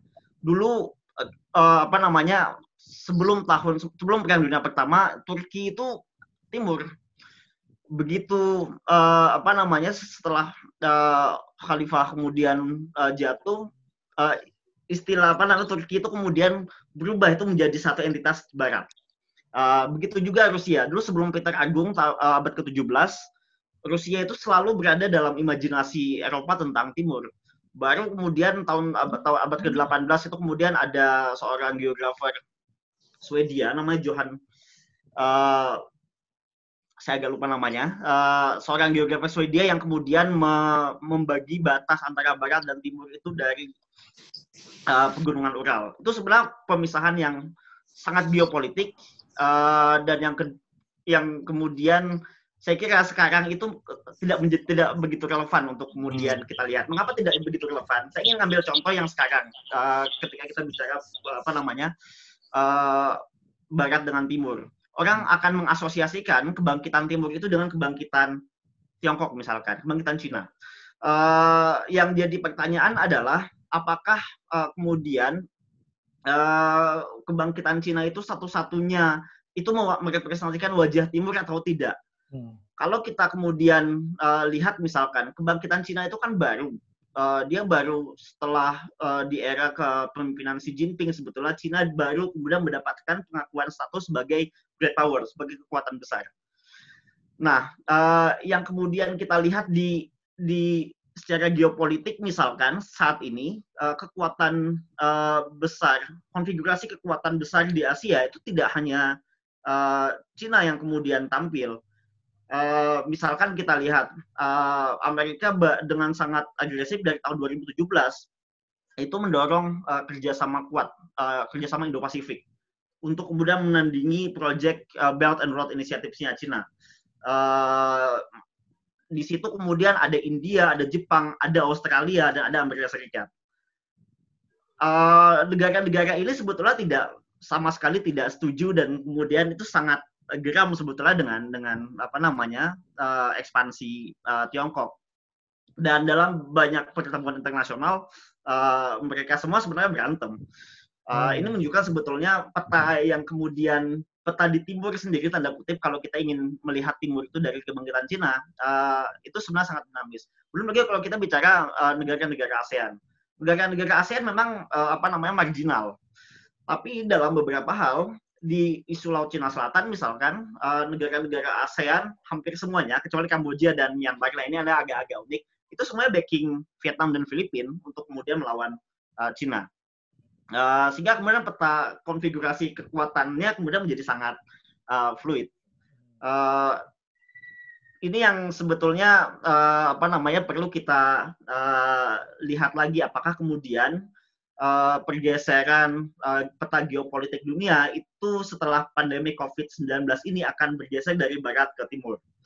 Nah, argumen saya itu ada ada ada tiga sebetulnya yang paling penting. Uh, hmm. Kalau kita ingin melihat kebangkitan uh, apa namanya, kita ingin melihat konstelasi geopolitik uh, global pasca perang eh pasca sorry pasca pasca pandemi COVID-19. Hmm. Saya kebanyakan meneliti perang soalnya. Uh, di setelah setelah apa namanya pandemi COVID-19, uh, pandemi COVID-19 ini unprecedented. Uh, gak ada kita semua nggak tahu ini bakal terjadi, nggak ada yang siap. Nah, uh, konsekuensinya adalah uh, kita akan berhadapan dengan kondisi normal baru. Uh, yang mana itu akan ditentukan setelah pandemi COVID-19 ini selesai. Selesainya kapan kita nggak tahu. Hmm. Uh, tapi yang jelas uh, pasti akan kemudian ada satu uh, apa namanya konfigurasi kekuatan baru di mana uh, kekuatan global tidak lagi hanya diatur oleh dua kekuatan utama sekarang, Amerika Serikat dan Cina, tetapi juga bisa menjadi sangat dinamis. Uh, kita perlu memperhatikan misalkan kuncinya ada di Amerika saat ini uh, kalau kita uh, di sebentar lagi pemilu sebetulnya 2020 atau 2021 mungkin kalau ditunda saya nggak tahu uh, Trump akan uh, berhadapan dengan Biden. Nah uh, kalau Trump kemudian akan berkuasa ya kita akan menghadapi kondisi status quo. Amerika akan lemah, Amerika tidak akan punya legitimasi di hadapan uh, aliansi-aliansinya, mitra-mitranya. Bisa jadi kekuatan uh, regional yang lain akan muncul. Australia udah udah mulai agresif nih uh, diplomasinya untuk menekan uh, Cina. Biasanya uh, Australia uh, apa namanya aliansi tradisionalnya adalah uh, Amerika kalau kemudian Amerika di, tetap dipimpin oleh Trump, bisa jadi kemudian Cina atau Inggris yang kemudian akan akan me, me, apa namanya memimpin. Uh, ini perlu kita lihat sebagai variabel pertama di mana kemudian uh, kita akan perlu melihat dari uh, sejauh mana uh, apa namanya peta domestik Amerika Serikat itu akan berubah. Yang kedua, uh, kita akan melihat sejauh mana kemudian negara-negara besar Cina, Amerika, eh, Australia, terus kemudian negara-negara Uni Eropa itu punya kemampuan untuk mengkonsumsi sistem ekonomi politik global yang baru. Tadi sudah dibahas oleh Bang Sofwan. Uh, apa namanya yang kemudian perlu kita lihat sekarang adalah bagaimana kemudian negara-negara apa namanya yang punya kekuatan finansial besar saat ini itu bisa menyelamatkan negara-negara lain dari krisis kalau kita lihat misalkan sejarah Perang Dunia Kedua, setelah Perang Dunia Kedua, Amerika Serikat itu kan menjadi kekuatan besar itu bukan hanya karena mereka menang perang, tetapi karena mereka punya Marshall Plan. Mereka ngasih duit ke negara-negara Eropa Barat untuk kemudian menangkal uh, pengaruh uh, Uni Soviet. Termasuk juga ngasih dana yang sangat besar ke Jerman. Uh, ada ada perkembangan yang sangat besar di Jerman Barat. Jerman Barat pada waktu itu untuk menjaga supaya Jerman Timur itu tidak terlalu uh, apa namanya banyak bicara. Nah ini akan sangat tergantung sebetulnya uh, dari sejauh mana negara-negara ini bisa kemudian ngasih dana ke negara-negara yang lain. Apakah itu Amerika Serikat? Kita tidak tahu karena Amerika Serikat sekarang sedang berhadapan dengan resesi yang sangat besar. Tantangan utama ke depan adalah resesi, uh, apa namanya pelemahan ekonomi yang luar biasa. Apakah Cina yang akan kemudian naik? Bisa jadi, tapi saya tidak yakin kemudian Jepang, India, dan Australia dan mitra-mitra aliansi strategis mereka di Asia Pasifik itu mau kemudian menerima bantuan Cina. Cina. Kemarin baru perdebatan besar di uh, Solomon Islands dan Vanuatu uh, terkait dengan oh. bagaimana uh, apakah kemudian dana Cina harus kemudian diterima atau tidak. Ini yang kemudian menjadi uh, perlu kita pertimbangkan. Yang ketiga adalah sejauh mana kemudian uh, apa namanya peta kerja sama uh, di di institusi internasional itu kemudian uh, uh, berjalan setelah pandemi COVID-19. Tadi sudah disampaikan Bang Sofan dan, dan mungkin juga Mas Wibi tadi. Uh, apa namanya yang sekarang sangat disoroti adalah WHO. Uh, dan perdebatan di WHO sekarang hmm. itu bukan lagi soal kapabilitas uh, WHO sebagai lembaga internasional untuk berhadapan dengan krisis, tapi sebetulnya untuk kemudian uh, kontroversi yang muncul di WHO adalah bagaimana supaya negara-negara seperti Cina itu tidak lagi mengintervensi banyak kebijakan-kebijakan WHO.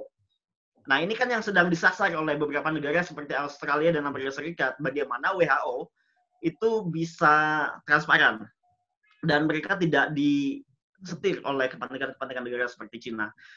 Nah, kemampuan kemudian uh, peta geopolitik global ini akan sangat ditentukan oleh sejauh mana kapasitas negara-negara, terutama negara-negara yang punya kekuatan besar untuk kemudian uh, menggunakan institusi internasional seperti WHO dan PBB untuk mengatur tatanan dunia baru.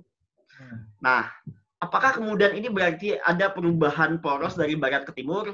Bisa ya, bisa tidak. Bisa kemudian kalau Amerika semakin lemah dan kemudian negara-negara Eropa tidak bisa mengambil alih kepemimpinan uh, Amerika Serikat, bisa jadi kemudian Cina yang kemudian akan tampil.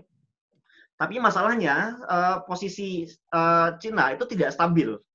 Dalam arti Cina kemudian uh, apa namanya selama ini tidak punya trust dari banyak negara, terutama di negara-negara Asia Pasifik. Mungkin Cina punya banyak uh, apa mitra strategis di Afrika dan di negara-negara Pasifik, tapi ternyata tidak tidak uh, begitu banyak bisa apa namanya bisa mempengaruhi mereka ketika sidang majelis umum PBB misalkan atau di uh, sidang-sidang dewan keamanan PBB kan persoalannya kan bagaimana membuat mereka membuat negara-negara itu bisa ngasih suara buat Cina.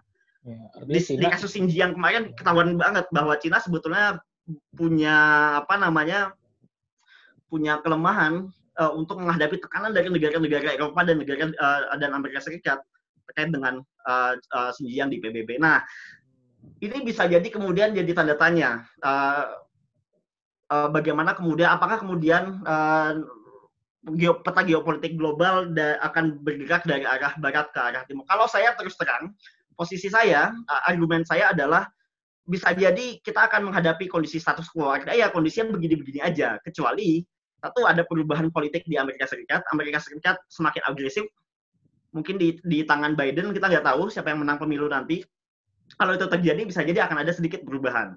Cina mungkin akan ditekan. Uh, tapi kalau lihat kondisi sekarang dengan kondisi ekonomi Amerika Serikat yang sudah agak lemah, kemudian mereka 30 juta, berapa 3 juta atau 30 juta yang kemudian jadi pengangguran di sana itu juga mereka struggling di dalam negeri dan ini agak agak begitu uh, bagus untuk kemudian uh, perubahan tata dunia global. Bagaimana posisi Indonesia? Indonesia saat ini sebetulnya uh, negara kekuatan menengah Artinya Indonesia akan sangat pragmatis. Kita nggak punya industri, kita sangat bergantung kepada penanaman modal, terutama penanaman modal dari uh, uh, Tiongkok dan Amerika Serikat. Dan kita juga saat ini punya masalah dalam penanganan COVID-19. Uh, kita akan bisa jadi posisi Indonesia akan sangat pragmatis dan ini sangat ditentukan oleh bagaimana peta Indonesia kemudian bisa membangun aliansi yang lebih strategis di level internasional. Itu dipengaruhi kalau sama yang dilakukan oleh juga nggak? Sekarang sangat uh, pragmatis kalau saya kira. Kayak gitu, Dama. Hmm. Itu dipengaruhi sama kepemimpinan juga nggak? Yang kita saat Apa? ini ya. Kekuatan kita saat ini dipengaruhi oleh kepemimpinan juga nggak menurut sama kayak model Trump atau kayak kalau sekarang uh, masalahnya sekarang di kalau kita lihat di pertemuan-pertemuan internasional yang tampil kan bukan Pak Jokowi.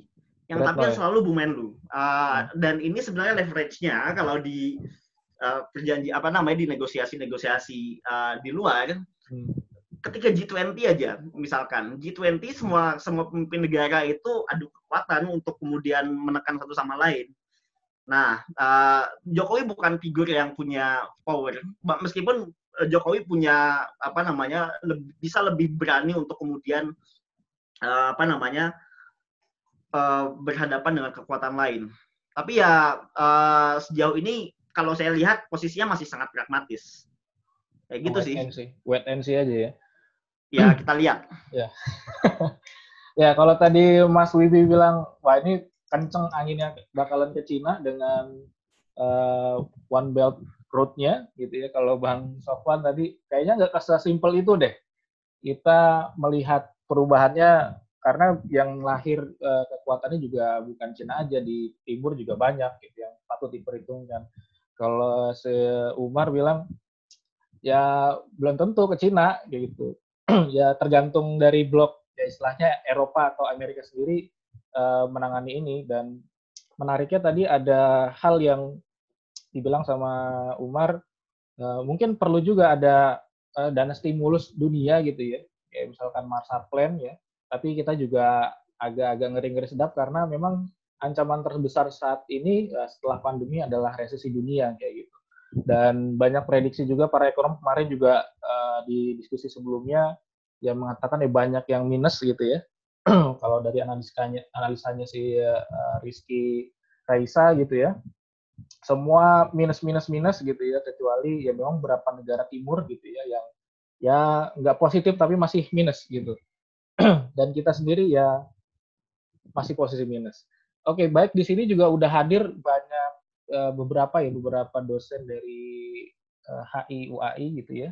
Universitas Al Azhar ya mungkin juga Mas Wibi kemarin pernah jadi salah satu pengajar HI di Al Azhar Indonesia ini juga ada beberapa rekan-rekan eh, mahasiswa yang lainnya dan beberapa rekan lama mungkin kita langsung buka sesi pertanyaan aja gitu ya eh, saya buka untuk tiga penanya pertama silahkan yang mau bertanya Mas Restu, ya silakan Mas. Boleh. Oh, ya. Silakan. Nanti okay. satu pertanyaan langsung dijawab aja ya. Iya. Uh, Oke. Okay. Assalamualaikum warahmatullahi wabarakatuh. Kalau tadi yang ngomong adalah HI HI yang core, uh, saya ini HI periferi, HI remah reng. Mohon izin, ini perwakilan HI remah rengginang di dalam kaleng biskuit kongguan. Oh ya, perkenalkan nama saya Restu Aji. Uh, sekarang saya analis kerjasama senior di Pusat Pelaporan dan Analisis Transaksi Keuangan. Jadi uh, dan saya mencermati dari hal yang ada setujunya dan dari hal yang di lapangan. Jadi uh, pandemi corona ini sebenarnya menelanjangi ideologi demokrasi dan globalisasi. Kenapa? Pertama, uh, Uh, ketika tadi Pak Mas Sofwan bilang globalisasi itu the positive sum game dengan keran impor, semua barang dikomoditaskan, itu tidak akan pernah terjadi. Kenapa? Karena kalau karena dengan perdagangan yang zona bebas, free trade, ekspor impor itu dikuasai oleh mafia. Dan itulah yang ditelanjangi di era corona ini. Begitu satu negara kesulitan, ketika mencukupi kebutuhan sendiri akan kesulitan mendatangkan barang-barang yang dibutuhkan karena terkunci oleh mafia itu. Dan dari obrolan saya yang kebetulan pernah jadi delegasi delegasi Republik Indonesia di Interpol General Assembly di Chile Oktober 2019 kemarin, obrolannya akan selalu seperti itu. Ketika ideologi demokrasi globalisasi ini masih dikuasai mafia karena mafia di, mafia juga dibutuhkan. Kenapa? Karena mafia itulah yang membiayai kontestasi demokrasi, menanam pembiayaan oleh calon-calon dan bagaimana demokrasi itu dijalankan. Karena ketika salah satu dia satu orang yang dia kader, yang dia tunjuk itu terpilih, maka proyeknya akan jalan terus. Dan ini kalau di di rekomendasi Financial Action Task Force on Money Laundering ini namanya BO, Beneficial Ownership, pemilik manfaat dari kekayaan yang sebenarnya. Jadi orang dia orang yang benar-benar kaya tapi tidak mencatatkan dirinya sendiri sebagai orang kaya. Dia orang kaya beneran itu tidak mau ngaku sebagai orang kaya. Lebih ngeri lagi ultimate BO, BO yang lebih ke atas lagi. Itu yang uh, yang kami sebut kalau di lapangan sebutannya invisible hands. Bukan invisible, bukan invisible hands yang dibayangkan oleh Adam Smith, tapi invisible hand tangan-tangan tak terlihat yang mengatur semuanya, terutama di negara-negara berkembang yang menganut demokrasi dan ini apa? yang globalisasi yang kebablasan. Nah, itu pertama. Dari corona ini apakah apakah sudah dicermati pergeseran alternatif ideologi dari demokrasi, globalisasi menjadi lebih ke self-isolating. Jadi lebih ke negara yang tersentralisasi. Karena di negara sentralisasi seperti China, Vietnam, tidak akan ada cerita seperti itu. Karena yang kedua, pandemi corona juga menelanjangi bahwa demokrasi dan kebebasan dengan membebaskan warganya, termasuk warga boleh tidak taat terhadap pemerintah, itu kills, itu membunuh lihat aja di Italia. Kenapa Italia menjadi penyebaran yang terlalu tinggi? Amerika juga. Kenapa? Karena warganya apa nggak patuh ketika di, di ketika diberlakukan lockdown penuh dan mungkin itu juga, juga mas. apa melanjang kelem dan itu dan juga faktor distrust juga karena karena demokrasi emang emang meniscayakan itu membolehkan masyarakat tidak percaya dan tidak taat terhadap pemerintah itu dibolehkan di demokrasi. Itu saja apa uh, yang saya cermati dari perubahan corona ini yang apa secara politik Nah, seperti ya. itu. Apakah di teori uh, di lapangan tidak seindah teori di bangku HI, tapi apakah di teori sudah apa sudah mencermati alternatif ideologi semacam itu bahwa sekarang ideologi sosialisme sentralisasi itu akan lebih akan Efektif, lebih gitu, diminati akan lebih diminati daripada sekarang akan lebih diminati bahwa demokrasi itu bukan lagi yang terbaik di antara yang terburuk tapi sosialisme juga akan bisa naik. Baik, terima, terima kasih Mas pertanyaannya sama yang kayak di awal yang gua tanya ke, ke Mas Wibi ya. Uh, ini jadi di end of story-nya demokrasi atau enggak kayak gitu ya. Dan uh, memang gue sepakat juga sama Mas Restu bahwa hal ini tuh bukan hanya menelanjangi sistem politik, tapi juga menelanjangi uh, kepemimpinan kayak gitu. Nah, mungkin tanggapannya dari Mas uh, Sofwan kali ya. Kayaknya tadi lebih ke Mas Sofwan. Nanti dilanjutin ke Mas Wibi sama Umar gimana tanggapannya. Silakan Mas Sofwan. Ini menarik nih sama-sama HI soalnya. Dan ada pelaku. ya. Praktisi. Uh, ya, Uh, seperti tadi saya sampaikan bahwa uh, globalisasi uh, yang berdasarkan apa asumsi positif sum game ternyata memang tidak pernah terjadi dan tidak hanya di negara-negara berkembang. Ini di seluruh dunia memang tidak pernah terjadi secara ideal karena politik itu memang uh, karena ekonomi itu memang tidak pernah berada di luar institusi politik.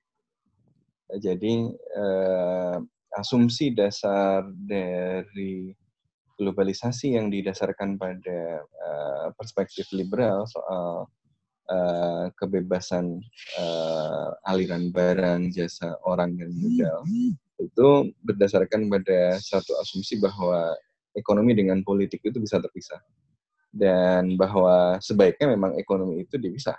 Kalau dia dipisah, uh, tidak diatur oleh satu entitas politik apa pun, satu kewenangan apa pun, dia akan mengatur dirinya sendiri. Jadi ekonomi atau pasar itu uh, sifatnya self-regulating.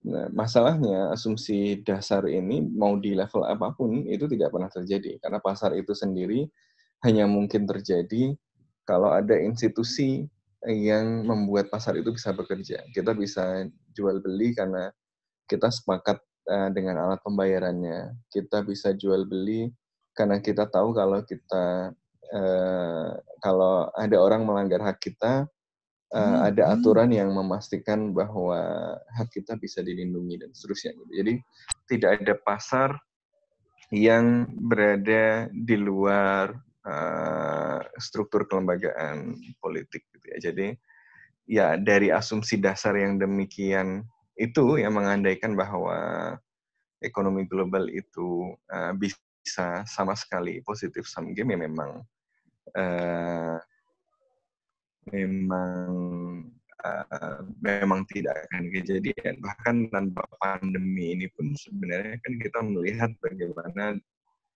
uh, apa stagnasi di uh, ngalah ya untuk uh, beberapa isu seperti agrikultur ketika kemudian isu itu tidak menguntungkan mereka. Jadi ya politik uh, still matters dan dalam kondisi politik matters uh, tentu saja kemudian uh, ya, uh, tidak bisa disederhanakan dalam mitos-mitos semakin kita embrace globalisasi, liberalisasi, deregulasi dan uh, apa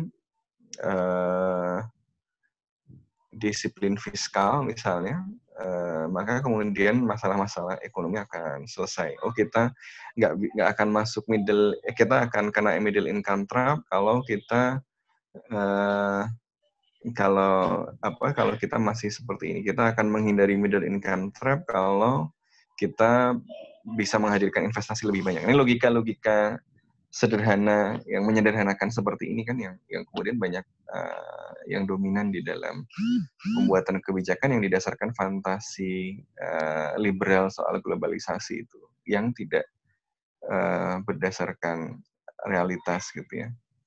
Uh, oh ya tentang teori dan realitas tadi penting untuk mencatat bahwa teori itu kan memang penyederhanaan dari realitas, tapi dia uh, sebenarnya adalah cara kita untuk memahami realitas. Jadi dia tidak boleh uh, apa ngarang-ngarang gitu ya. Dia uh, dia harus didasarkan kepada uh, melihat realitas dan untuk make sense realitas itu mana yang yang harus dilihat kira-kira begitu. Hmm. Nah jadi uh, apa kemudian uh, kembali lagi ke pertanyaan yang uh, tadi apakah ini artinya kemudian kita harus memikirkan sistem politik yang uh, lain daripada demokrasi. Nah ini hal lain lagi. Ini kalau soal uh, bahwa pandemi ini kemudian secara empiris mendorong negara-negara untuk memikirkan ulang model globalisasi, uh, saya kira iya. Kemudian apakah itu memang harus kita lakukan? Saya kira iya, gitu ya. Karena tadi demokrasi tadi eh, eh, globalisasi yang liberal yang sekarang ini berdasarkan asumsi bahwa ekonomi bisa dipisahkan dari politik dan itu uh, ya tidak mungkin gitu ya. Dalam, tidak hanya di negara berkembang, di seluruh dunia tidak mungkin ekonomi itu terpisah dari politik. Ekonomi selalu berada di dalam uh, satu struktur politik tertentu. Uh, kemudian yang kedua, masalahnya kemudian kalau kita kemudian melompat ke oh berarti uh, otoritarianisme lebih baik dari demokrasi ini hal yang terpisah. Itu ini hal yang lain lagi. Uh, dan saya kira agak terburu-buru untuk mengatakan bahwa ini menunjukkan demokrasi uh, gagal dan otoritarianisme berhasil. Uh, ya pertama-tama krisis ini bisa besar gara-gara otoritarianisme krisis ini besar gara-gara seorang dokter yang mengumumkan bahwa dia menemukan ada masalah uh, baru, ya, ada gejala-gejala penyakit baru yang belum dikenal sebelumnya, malah dipanggil dan dipaksa diam tanda tangan uh, surat tidak akan membuat keributan lagi. Kalau uh, kalau uh, sistem politik nya tidak uh, sedemikian khawatir dengan instabilitas yang coba dipaksakan di dalam sistem yang otoritarian, uh, barangkali akan lebih baik. Ya, jadi saya kira uh, faktor yang kemudian menentukan keberhasilan negara dalam memitigasi pandemi ini uh, mungkin lebih luas dari sekedar sistem politik. Hmm. Misalnya eh, satu faktor yang saya kira penting adalah kecepatan. Eh, karena krisis ini eh, adalah apa ya? Karena pandemi ini pertumbuhannya eksponensial. Kapan intervensi serius mulai dilakukan itu adalah hal yang paling menentukan. Jadi kapan intervensi serius itu dilakukan menjadi hal yang menentukan. Ini akan sangat dipengaruhi oleh misalnya bagaimana persepsi ancaman dari negara itu terhadap pandemi ini. Misalnya, eh, kenapa kemudian eh, Vietnam, Taiwan, eh, Hong Kong, Korea itu relatif berhasil? Ya pertama, mereka melihat ancaman ini langsung sebagai ancaman serius. Ketika meledak di Wuhan, Vietnam yang langsung mikir, saya berbatasan langsung dengan Cina, saya pernah punya pengalaman SARS yang sangat parah, ya saya langsung uh, intervensi dari awal, langsung worst case. Hmm. Negara-negara yang terdampak besar itu bukan yang demokrasi atau yang tidak demokrasi, tapi yang uh, meremehkan uh, masalah ini, yang uh, oh corona takut sama orang negaranya gitu ya yang uh, corona bisa diusir dengan sekup kucing ini yang yang ya yang begitu-begitu modelnya gitu ya. Uh, yang ini cuma flu biasa bisa sembuh sendiri uh, dan yang dan yang menarik kalau di sistem sistem yang demokratis yang paling tidak efisien justru uh, mereka dia yang undermining democratic institution gitu ya. Uh, Brazil ada Bolsonaro, uh, ini populis uh, saya kanan uh, uh, yang uh, ya kebijakannya banyak non demokratis gitu ya, undermining uh, demokranan Inggris ya uh, di Indonesia mungkin agak sayap kanan juga ini, uh, tapi saya nggak berani ngomong ya. Nanti uh, dikira anti Pancasila.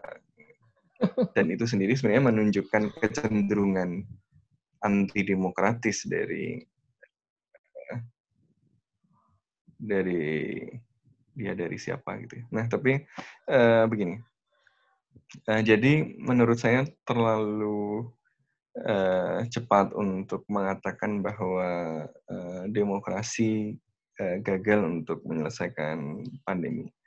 Uh, bukan saya mengatakan demokrasi pasti berhasil, tidak. Atau tidak demokrasi itu uh, barangkali uh, faktor yang marginal di dalam uh, respon tentang uh, COVID ini. Yang lebih menentukan adalah mau demokratis atau tidak, struktur kelembagaannya mapan atau responsif atau tidak. Itu hmm. satu. Kedua, uh, seberapa dia melihat uh, COVID ini, pandemi ini sebagai ancaman. Gitu ya. uh, dan ini dipengaruhi oleh banyak hal.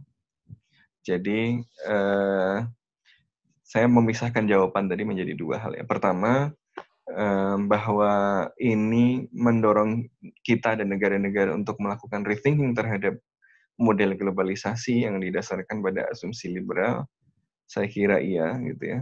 Dan saya kira baik untuk melakukan rethinking itu. Kedua soal uh, oh berarti ini menunjukkan demokrasi gagal dan otoritarianisme lebih baik saya kira tunggu dulu uh, ya tadi justru kita nggak akan sampai ke masalah sebanyak ini kalau uh, apa kalau tidak ada upaya menutup suara-suara lain selain suara resmi pemerintah. Dan masalahnya adalah ini narasi yang dibangun oleh banyak rezim otoritarian atau mereka yang aspiring to be authoritarian.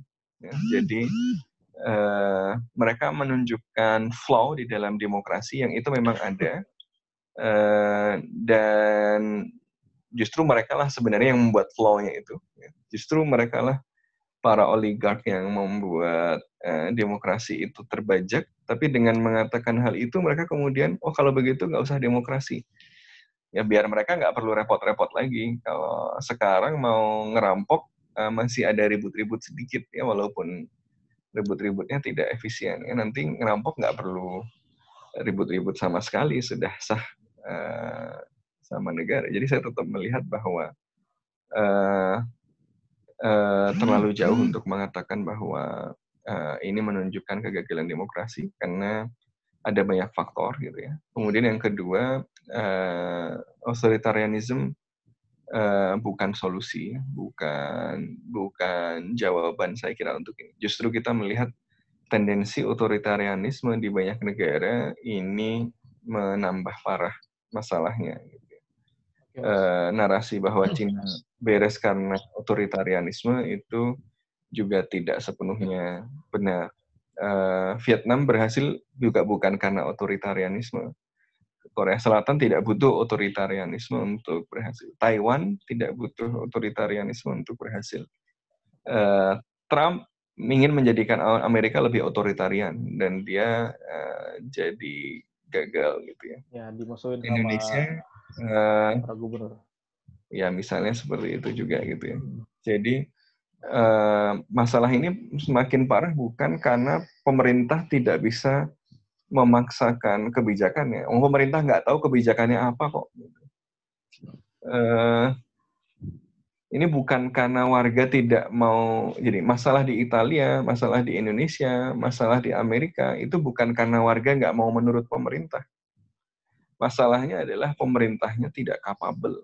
Uh, masalahnya adalah pemerintahnya tidak mau mendengarkan uh, alarm yang sudah dibunyikan sejak lama oleh banyak orang karena mereka uh, adalah elit-elit yang diuntungkan dengan status quo Ya, kalau kondisi normal, saya sudah bagi-bagi proyek nih, gitu ya.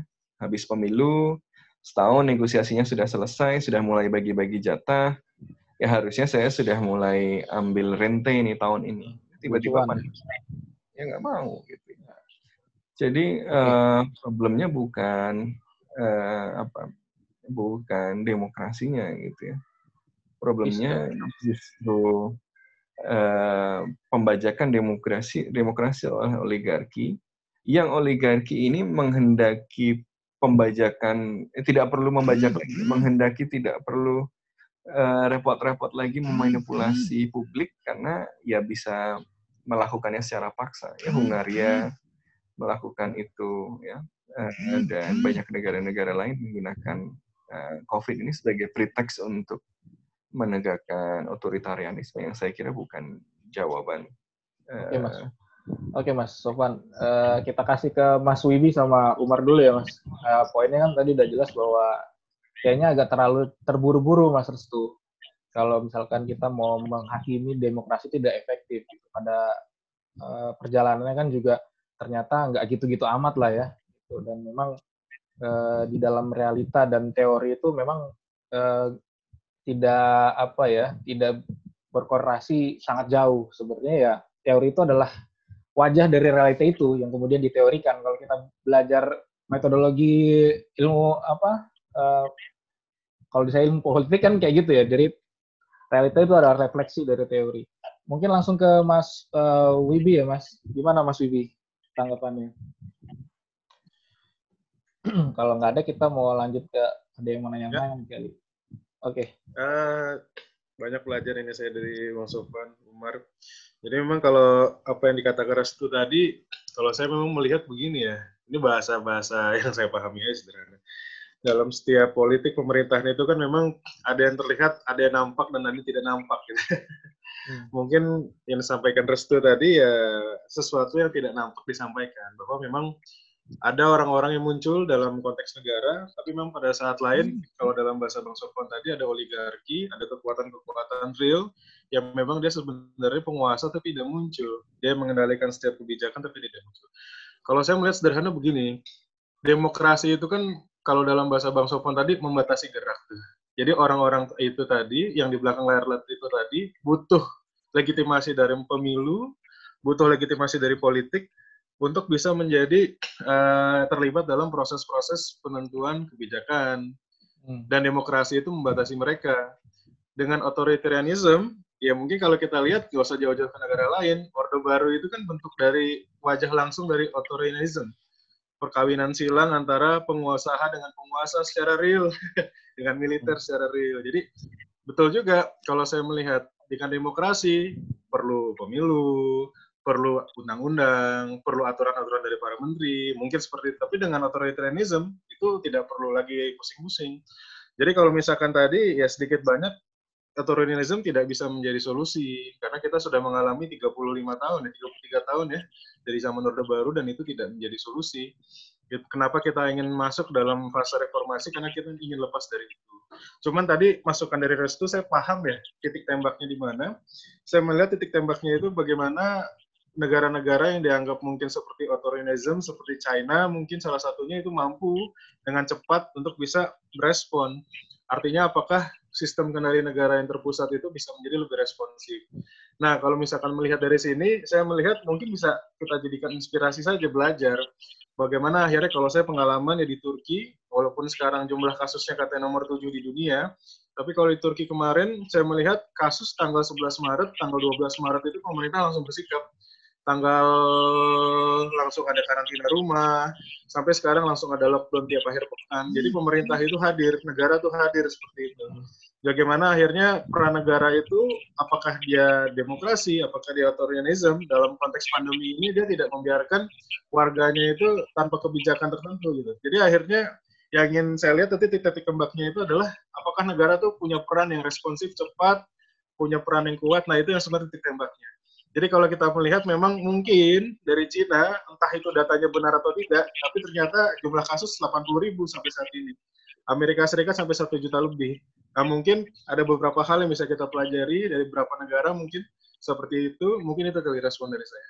Terima kasih. Terima kasih Mas Wibi. Ya. Lu ada nggak Mar? Dari lu Mar?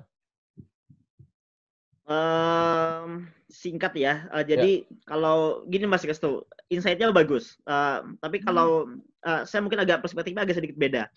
Australia sekarang di, di Canberra itu sekarang kita udah nggak punya, alhamdulillah udah nggak punya uh, kasus uh, corona. Bukan cuma nggak ada kasus baru, tapi juga semua yang kena di Canberra ada 100 kasus di Canberra dan itu udah uh, udah sembuh semua. Dan ini sebetulnya uh, menarik karena uh, prinsip Australia itu adalah prinsip yang dikedepankan sangat demokratis. Uh, kalau kita lihat ya di sini, saya kebetulan selama sebulan ini kan jadi rumah terus. Uh, di Australia di Australia setiap hari perdana menteri tampil. Dia selalu didampingi oleh chief medical officer. Uh, kalau di Indonesia ya katakanlah pejabat kelas eselon 1 uh, untuk di di kedokteran. Terus kemudian uh, tiap hari ngasih update, tiap hari ngasih uh, policy, setiap hari bukan cuma perdana menteri tapi juga premier, uh, gubernur itu semuanya uh, tampil. Nah kalau saya melihat itu bukan soal demokrasi atau otoritarianisme, tapi soal kompetensi negara saya kira. Uh, ini yang penting karena ada negara otoritarian yang gagal, yang kacau penanganan ketika COVID-19. Contoh Bangladesh misalkan. Saya baru eh, dari Dhaka bulan Oktober kemarin uh, itu juga negara yang sangat otoritarian sebetulnya.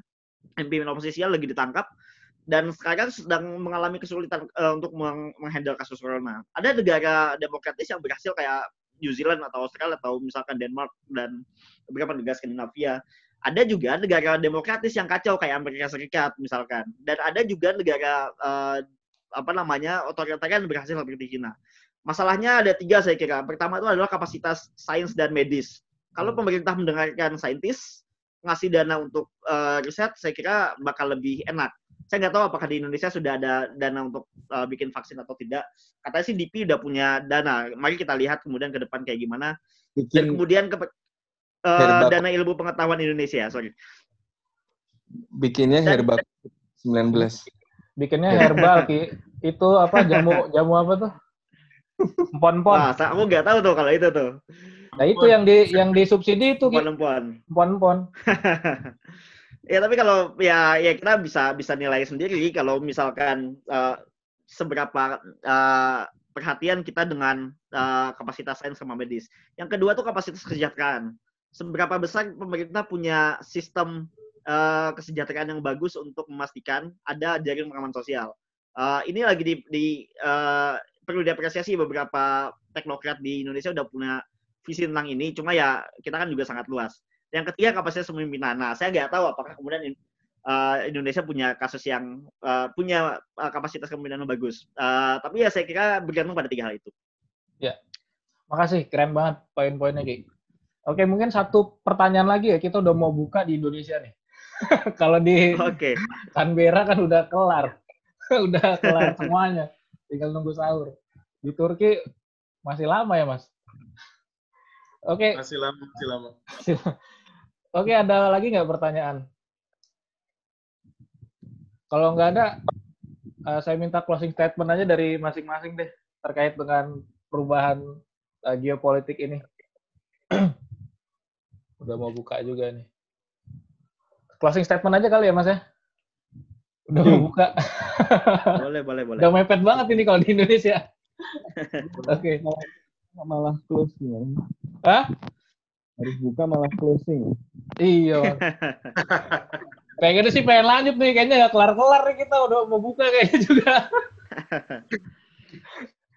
Aduh. Tapi mau apa daya mas, waktu juga yang akan menentukan semuanya mas. Kalau lagi seru-seru sih pasti siap. masih pengen banyak banget yang pengen digali nih, cuman karena udah mepet waktu buka gitu ya. Mau Moderatornya apa? Hah? Kenapa sih? Moderatornya lapar. Moderator. ya, ini kan udah 17.48 nih kan kita buka yeah. Iya. uh, udah berapa menit lagi kan?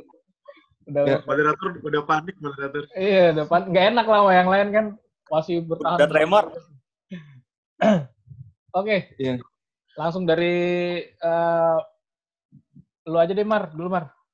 Oke, okay, apa ya uh, closing statementnya? Intinya adalah Ya kalau soal apa namanya ke depan uh, kita yang paling penting itu adalah pertama uh, selesaikan masalah COVID-19 dulu. Kalau kita nggak selesai masalah COVID, ada virus, kita jangan berharap masalahnya akan apa namanya kita bakal menghadapi tatanan dunia baru. Nah, tantangan ke depan yang saya kira lebih besar dari apa namanya dari masalah uh, pandemi COVID-19 ini adalah resesi pasca COVID. Nah, seberapa besar kemudian kita bisa uh, bertahan dengan terpaan resesi. Ini penting untuk kemudian uh, kita memastikan misalkan uh, pe, uh, lapangan pekerjaan tetap ada. Uh, ini kita di dalam teman-teman mahasiswa PhD di uh, UQ lagi bingung karena teman-teman kan nggak ada pekerjaan setelah lulus dan job market itu menjadi sangat langka di, di sini. Itu juga jadi satu perhatian.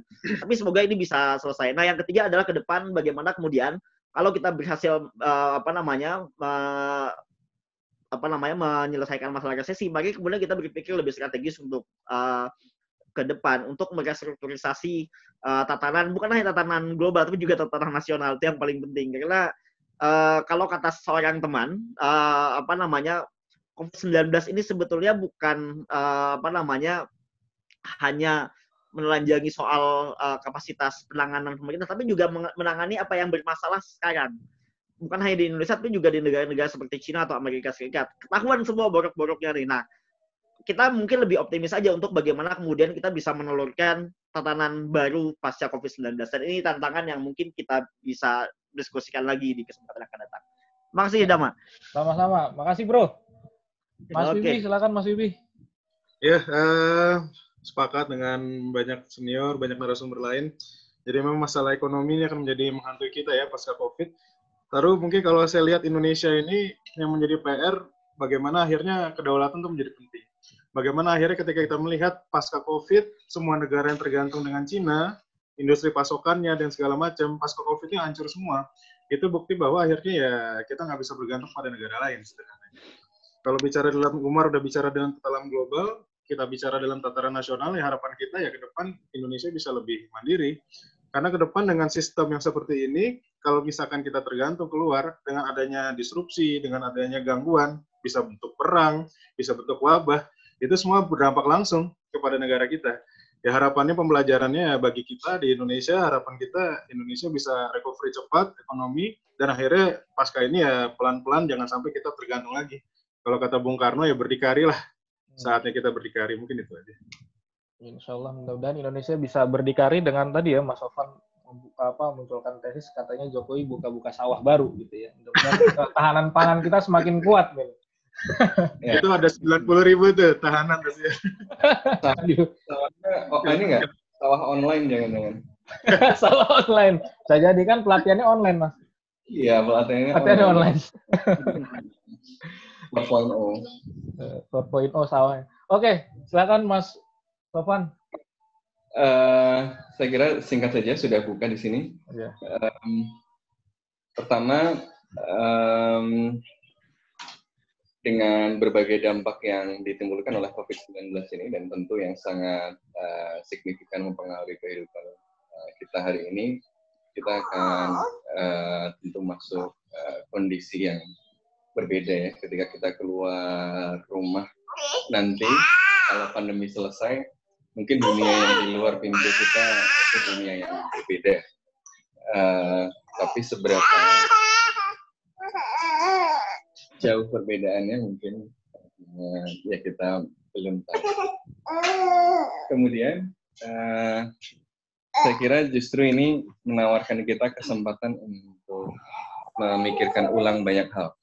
Tadi saya kira poin Mas Restu ya tadi soal uh, rethinking tadi saya kira benar ya bahwa kondisi ini membuat kita harus memikirkan ulang ya, segala sesuatu yang kita anggap sebagai lazim, normal, dan baik cara kita uh, mengelola hubungan internasional, cara kita uh, mengelola ekonomi, cara kita mengelola hubungan uh, antara manusia dengan alam. Nah ini harus kita pikirkan ulang.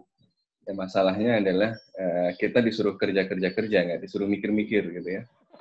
Jadi mikir itu harus uh, ya harus inisiatif sendiri ya jangan barang mahal ya pak ya saya kira itu uh, selamat berbuka untuk semuanya yang berbuka Assalamualaikum warahmatullahi wabarakatuh. Waalaikumsalam. Baik, dengan semua ini diskusinya sangat menarik. Sebenarnya banyak banget hal yang pengen digali, cuman karena keterbatasan waktu harus kita sudahi uh, saat ini. Uh, Terima kasih buat uh, Mas Wibi, Mas Sofwan, sama Mas Umar, ya, rekan saya. Mas Restu juga atas tambahannya tadi, uh, diskusi yang sangat Mantap. menarik sebenarnya. Dan dunia tidak akan bisa berubah kalau misalkan COVID ini tidak terselesaikan dengan baik. Uh, kawan-kawan, uh, semuanya tetap safe, tetap sehat ya. Semoga uh, dunia kita, sebagaimana yang dikatakan Bang Sofwan tadi, ketika kita buka pintu keluar dari rumah, sudah menjadi dunia yang baru, dunia yang lebih aman, dunia yang lebih eh, bersahabat dengan kita. Terima kasih atas kehadiran tekan-tekan semua di diskusi pada sore hari ini, ngabuburit bareng di Santuy. Kurang lebihnya dari saya mohon maaf ya. Wabil taufik wassalamualaikum warahmatullahi wabarakatuh. Sampai jumpa di diskusi. Waalaikumsalam. Sampai jumpa di diskusi di Santuy selanjutnya. Insya Allah. Mantap, mantap, mantap. Keren, keren.